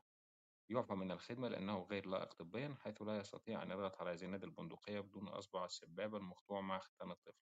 كان أيضا أهالي الصعيد يتهربون من الضرائب وكانت هناك عائلات تقتل جباة الضرائب وهذا مسجل في التاريخ المكتوب والشفوي لتلك المنطقة. فحضرتك أنا خدت الحتة دي عشان نرجع تاني لحتة إن الصعيد ما فيهوش أو معظم المدن والأحياء اللي في القاهرة ما بعد الخديوية أو بعد 52 ما فيهاش ما فيش أماكن تتسع لمليونيات وكمان في الصعيد وفي الدلتا وغيرها. أن الثورة حصلت يعتبر في ميدان القائد إبراهيم اللي هو يعتبر برضه اللي هو أبو إسماعيل باشا آه و حضرتك آه وميدان الإسماعيلية اللي هو الميدان اللي عمله خديوي إسماعيل. ثورة حصلت في أو المليونات الكبيرة اللي الناس كانت بتشوفها في التلفزيون كانت حصلت في الميدانين دول بالتحديد. فده دكتور اللي هو التفسير يعني إن الصعيد ما دخلش الثورة. بس حضرتك قلت برضو الحالة السورية كانت معكوسة يعني. ف دي, دي المفارقة بتاعت ميادين الحرية يعني إن المعمار أثر على الطبيعة بتاعت ثورات الشعب. فين بيثوروا؟ مع إن بعض الأماكن زي مثلا الصعيد اللي هو بيعاني تهميش وفقر من الزمان لم يثر وحضرتك جبت إن قلت إن الصعيد لا يهتم بما يحدث في القاهرة سواء قامت ثورة أم لم تقم وقلت إن الصعيد كان متمرد من زمان يعني ده مثلا على آه، جوات الضرائب وعلى نظام التجنيد ال- ال- اللي عمله محمد علي في الأول هو طلع أعتقد لو لو أنا متذكر خرج بست مدافع ميدان في 1800 حاجة وعشرين عشان يخمد ثورة كانت في قنا وأسوان ضد نظام التجنيد وقدر يخمدها يعني في الوقت ده. بس حضرتك ذكرت بتر الصوابع عشان الطفل ما يقدرش أو سوري الشاب ال- المفروض هيتجند ما ينفعش يدوس على الزناد فكده ياخد إعفاء طبي من إن هو إن هو يلتحق بال ما يسمى بالجهادية أو الجيش يعني. فكده يعني ده يعني جبنا ملخص جبنا من أول من أول الفصل وآخر الفصل عشان نوضح الفكرة بتاعت ميادين الحرية. آه لو باشمهندس ماجد أو أستاذ نبيل عايزين يتكلموا اتفضلوا. شكرا يا أحمد بس أنا ليا ملحوظة بس على أساس إن إحنا يا ريت نقفلها على ونص لأن أنا عندي التزام أنا آه، في الوقت ده. okay طب اتفضل يا دكتور قول الملحوظة ولا تحب ناخد أستاذ نبيل الأول وأستاذ ما... وباشمهندس ماجد؟ لا بس خلينا نسمع ال- باشمهندس ماجد ونبيل ونستمر لا والله يا دكتور أنا يعني مش هيكون عندي أي إضافة ممكن آه، تضيف لل- للي بيتقال. آه، أي إضافة مني هتكون قاصرة في وصف ال- ال- الحقيقة الكتاب وال approaches اللي بيفتحها الكتاب كمية ال approaches غير طبيعية لدرجة إن أنا وأنا وأنا بقرأ الكتاب احتجت إن أنا أعيد تاني قراءات لأشياء أخرى و و- و- و- وال- والفترات زمنية معينة لفهم بعض ال- ال- المحاور اللي قد يكون أنت بترمز ليها أنا الحقيقة بشوف إن ال- ال- الكتاب عامل بالظبط يمكن مش قادر أفصله كمان عن مجموعة المقالات اللي صاحبت عملية اللونش أو عملية الإصدار للكتاب المقالات بتاعة الشرق الأوسط. ومتابعتي لمقالات حضرتك قبل كده كمان أنت دايما بتدي جمل كده الجمل ليست في معناها ولا في مضمونها قد ما هي فيما وراء ال- المعنى وما وراء المضمون. و و و وأنا مش باقول ده مجاملةً و و و و وتفخيمًا لحضرتك، حضرتك ليك قدرك ال العلمي وال و وأنا باشوفه يا الفلسفي ماجد كمان لازم تلاحظ إن الشرق الأوسط مش هي نيويورك تايمز فلازم تتعلم أنا عارف، كتابة الت- أنا عارف والله، التخفي يعني. آه. والله عارف، وعارف الإتقان الشديد لكتابة التخفي اللي حضرتك بتعمله، وكنت زمان بابقى مرهق وأنا باتابع هذا التخفي حتى من كتاباتك قبل الشرق الأوسط. آآ في في في إحدى الجرائد المصرية يعني اللي أنا مش قادر أتذكر هي كانت المصري اليوم والّا كانت الشروق، بس أعتقد كانت المصري اليوم. فبرضه يعني إتقانك للتخفي ما عادش بيرهقنا أوي في المتابعة، فأنا ما عنديش إضافة، أنا مستمتع دايمًا بال بالفترة والمساحات اللي حضرتك بتتكلم فيها والمداخل اللي أنت بتطرحها، وباتمنى إن هي اللي تبقى لها الغلبة العظمى من الوقت في أي room الحقيقة، فأنا هاسكت. أستاذ نبيل اتفضل.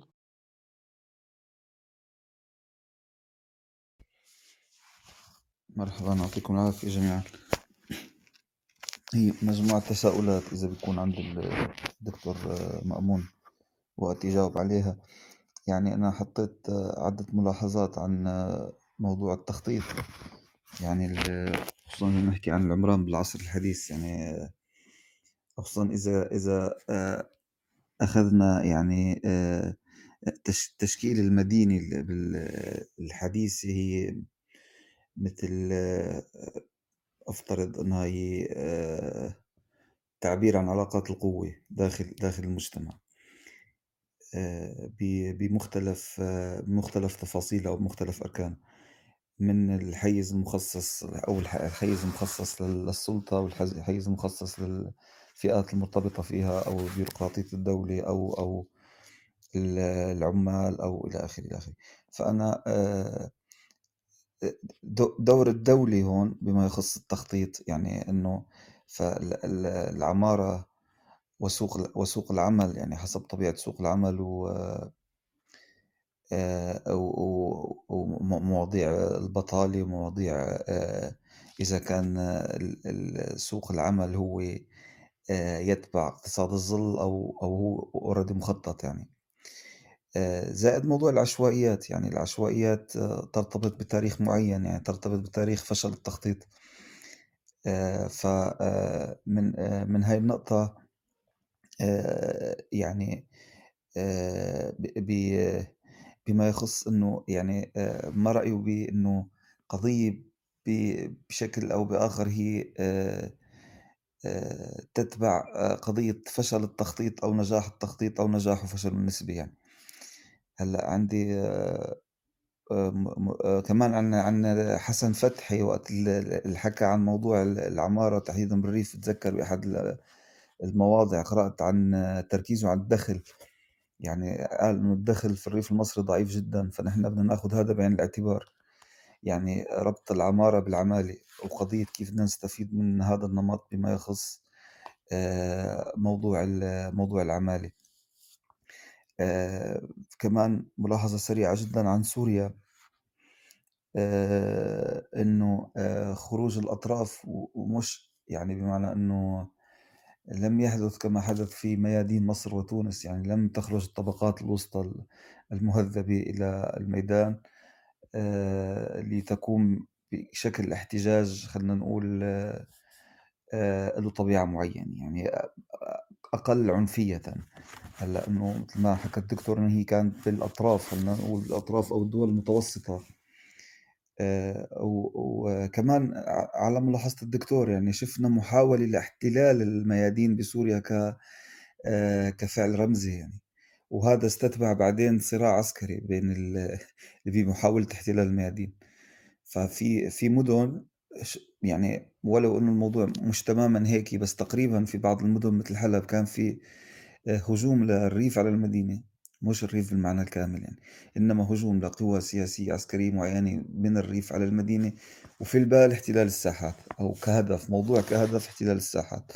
بينما يعني حسب ملاحظتي الشخصية أو ملاحظات بالعموم يعني كانت الطبقات الوسطى بسوريا منكفئة يعني برات برات الصراع بالمعنى الفعلي إنما يمكن بالرأي السياسي كان مختلف. فهي يعني ملاحظة جديرة ينحكى فيها. آخر ملاحظة هي هلا موضوع ال- اختلاف العمران أو اختلاف المدينة بأوروبا تحديدا بعد ثورات ال 48 وصولا لكومون باريس وشفنا شكل المدينة الشعاعية.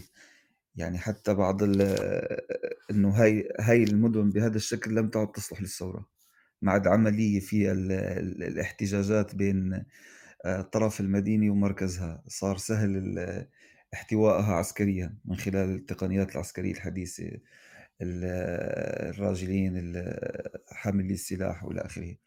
فهي الشكل المديني بنشوفه بكثير من مدن أوروبا التاريخية. هذا الشكل الشعاعي اللي بيرتبط بمركزها اللي هو آه، مركز الشأن العام أو أو القصر أو ال- المباني خلينا نقول مباني السلطة يعني. وبس هيك. شكرا. شكرا نبيل. هو خلينا نتخذ فرصة إنك موجود. ونفكر سويا في يعني الحالة السورية تحديدا. اللي هو يعني أنا من الناس اللي بيروا إنه سوريا بالذات كانت يعني أكثر تهيئا لفكرة ال- الديمقراطة منها من بقية ال- الأقاليم في في العالم العربي. نتيجة ل آه، أنه العاصمة ليست مهيمنة بطريقة المجتمع المائي أو الهيدرولوجي في الحالة المصرية. يعني ال- ال- الحكومة في مصر كانت منظمة لفيضان النيل وبالتالي آه، علاقة المصريين بال- بالفيضان اللي هو كان مرتبط بفكرة ال- الفكرة الغيبية فيما يخص الفيضان القادم من الإله إذا حبيت مقابل الدولة التي تنظم هذا الفيضان من خلال السدود فبدأ إيمان المصريين بفكرة الدولة يشبه الإيمان الغيبي إلى درجة كبيرة. في سوريا الحالة أعتقد وجود يعني سوريا ما هيش city state يعني يمكن القول بأن مصر هي city state هي مدينة القاهرة المهيمنة والباقي أطراف يعني. إنما في الحالة السورية أعتقد أنه وجود بلدان زي حلب وحما واللاذقية و- و- و- وغيرها يجعل مسألة الديسنتراليزيشن مقبولة. يعني كل هذه المناطق يمكن أن تصلح لكي تكون مركزا للحكم أو تصلح لبناء مجتمع فيدرالي آه، يكون فيه ال- حالة من التوأم طبعا أنا مدرك للي حصل في مجيء الأسد للحكم أو تقدر تسميها ثورة ال- الثورة الفلاحية ضد المدينة التي أتى بها الضباط اللي هم كلهم من الأطراف. وسيطروا على المركز مع دايمنشن طائفي. ما أنا ما بحبش أتكلم في الحتة دي كتير. لكن آه، سوريا حالة آه، جديرة جدا بالتأمل وعمران عمران ليس ل- سوريا فقط ك- وتخطيط مدنها ولكن أيضا الحالة الحضارية الخاصة بكل مدينة يعني أنت حسب فهمي طبعا وأرجو تصححني إنه حتى الكوزين أو الأكل الحلبي مختلف عن الأكل الدمشقي ومختلف عن ال- الأكل في الساحل في طرطوس أو أو اللاذقية أو غيره. ف يعني في حالة من التعددية الثقافية آه، التي يمكن أن تنتج تعددية آه، سياسية.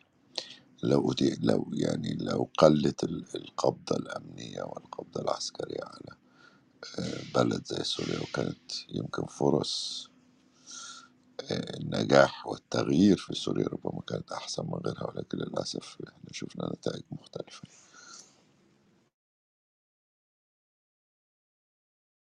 يهمني رأيك يعني يهمني رأيك يعني. أي العفو شكرا شكرا.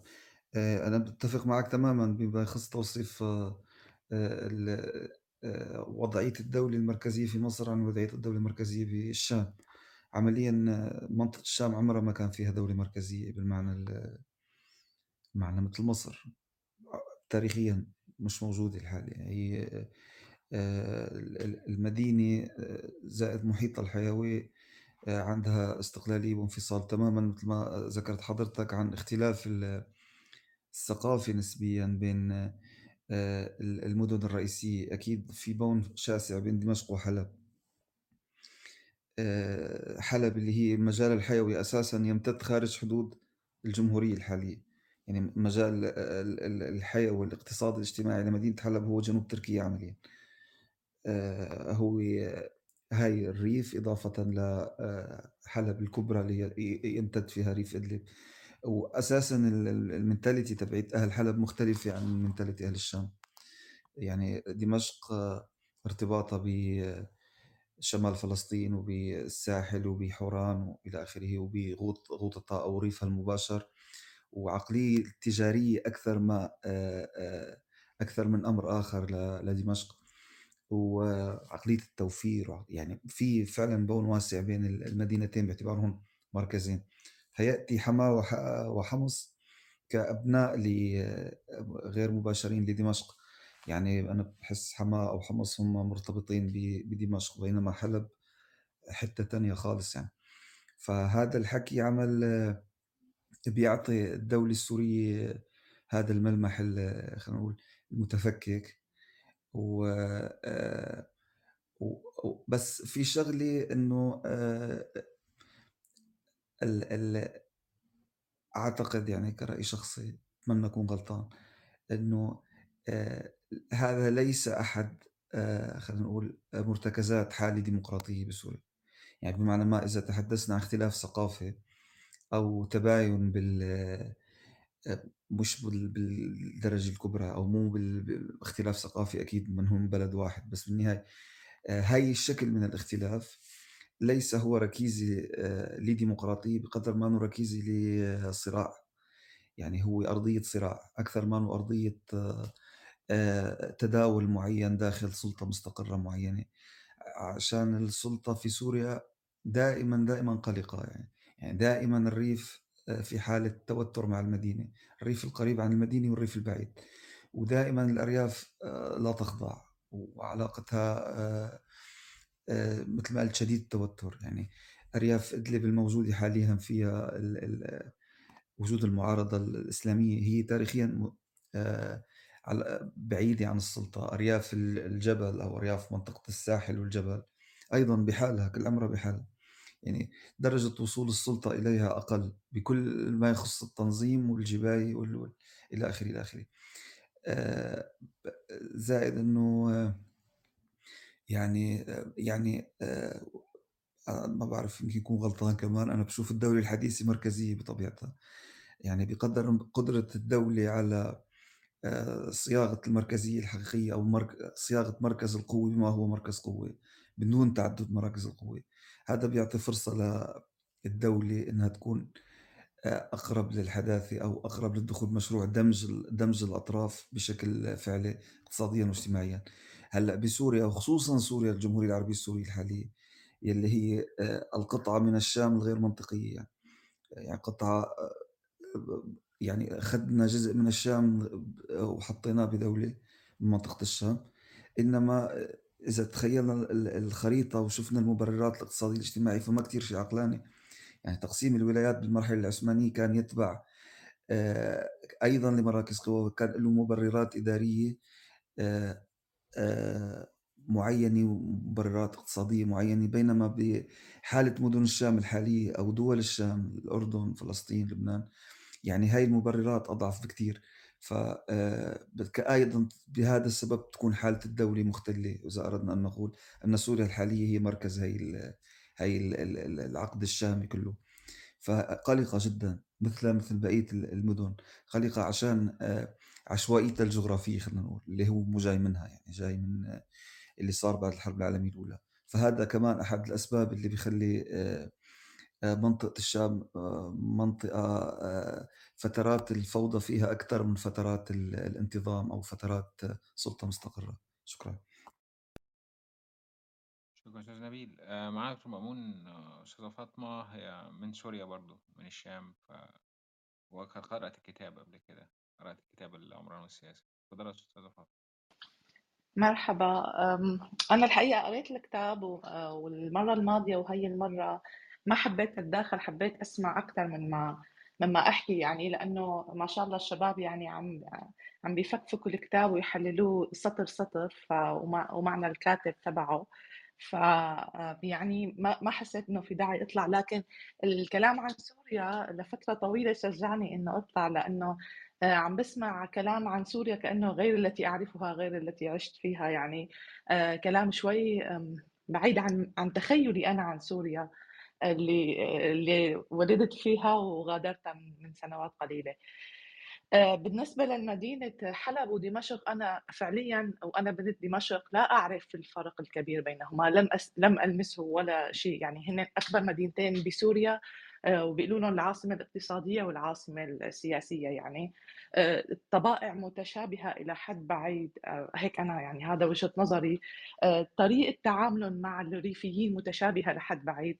صحيح إنه كان في ناس الصبغة الأساسية لعملهم هو التجارة وآخرين هي الصناعة يعني دمشق التجارة وال وحلب الصناعة. لكن على مستوى العائلة والعادات الاجتماعية في تشابه كثير كبير.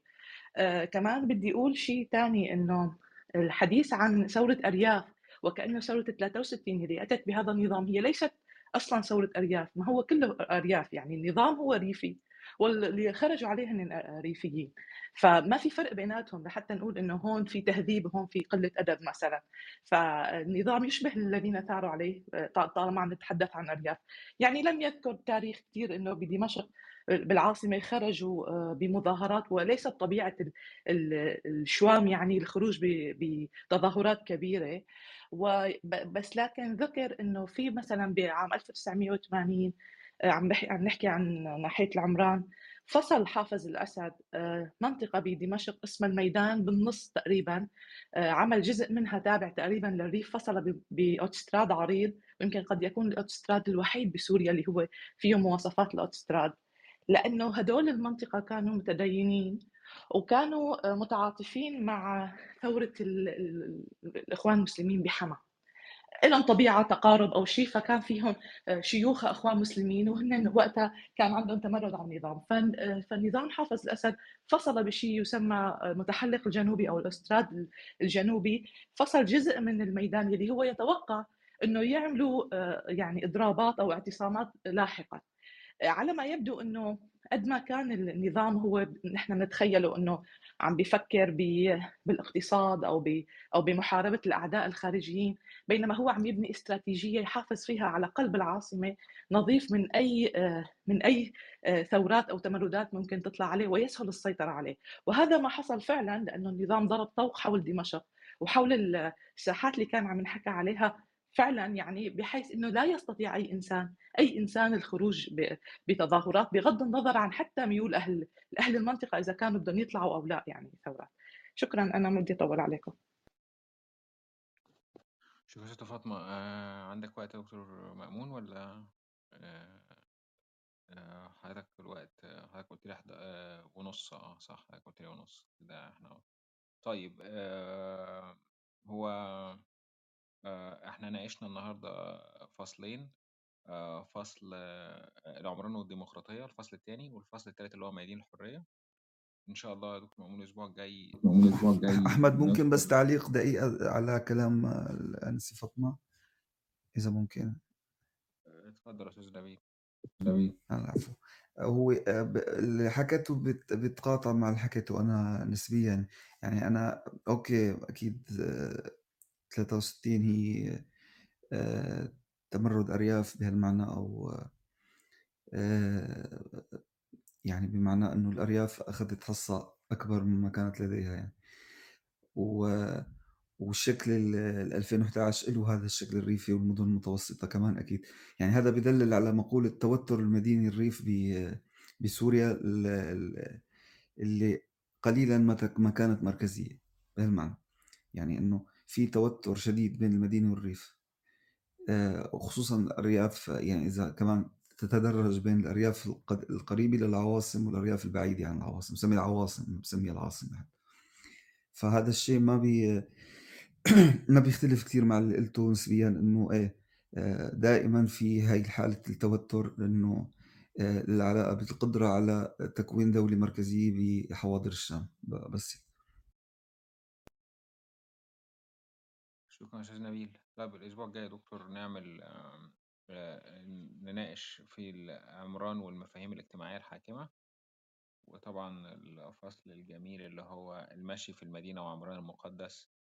ولو قدرنا لو عندنا وقت ندخل في عمران المسجد والجسد والنفوذ. الفصل ده رائع برضه شكرا جدا ليك أي كلمة ختامية يا دكتور ولا طيب هو الواضح دكتور مأمون خلاص اتشغل. أش- أشكرك جدا يا أحمد جدا جدا جدا. وأشكر كل من ساهم وخصوصا آه، نبيل وفاطمة من وجهة النظر السورية. و... وأنا أسئلتي كانت ليكم بحكم أن أنا لست متخصصا في سوريا. هي محاولة للفهم أكتر. بس حقيقة أشكر الأستاذ أحمد لبيدي ونوي على الاستضافة والاستاذ ماجد الدكتور حميدي على المساهمة. فشكرا ليك جدا يا أحمد على شكرا.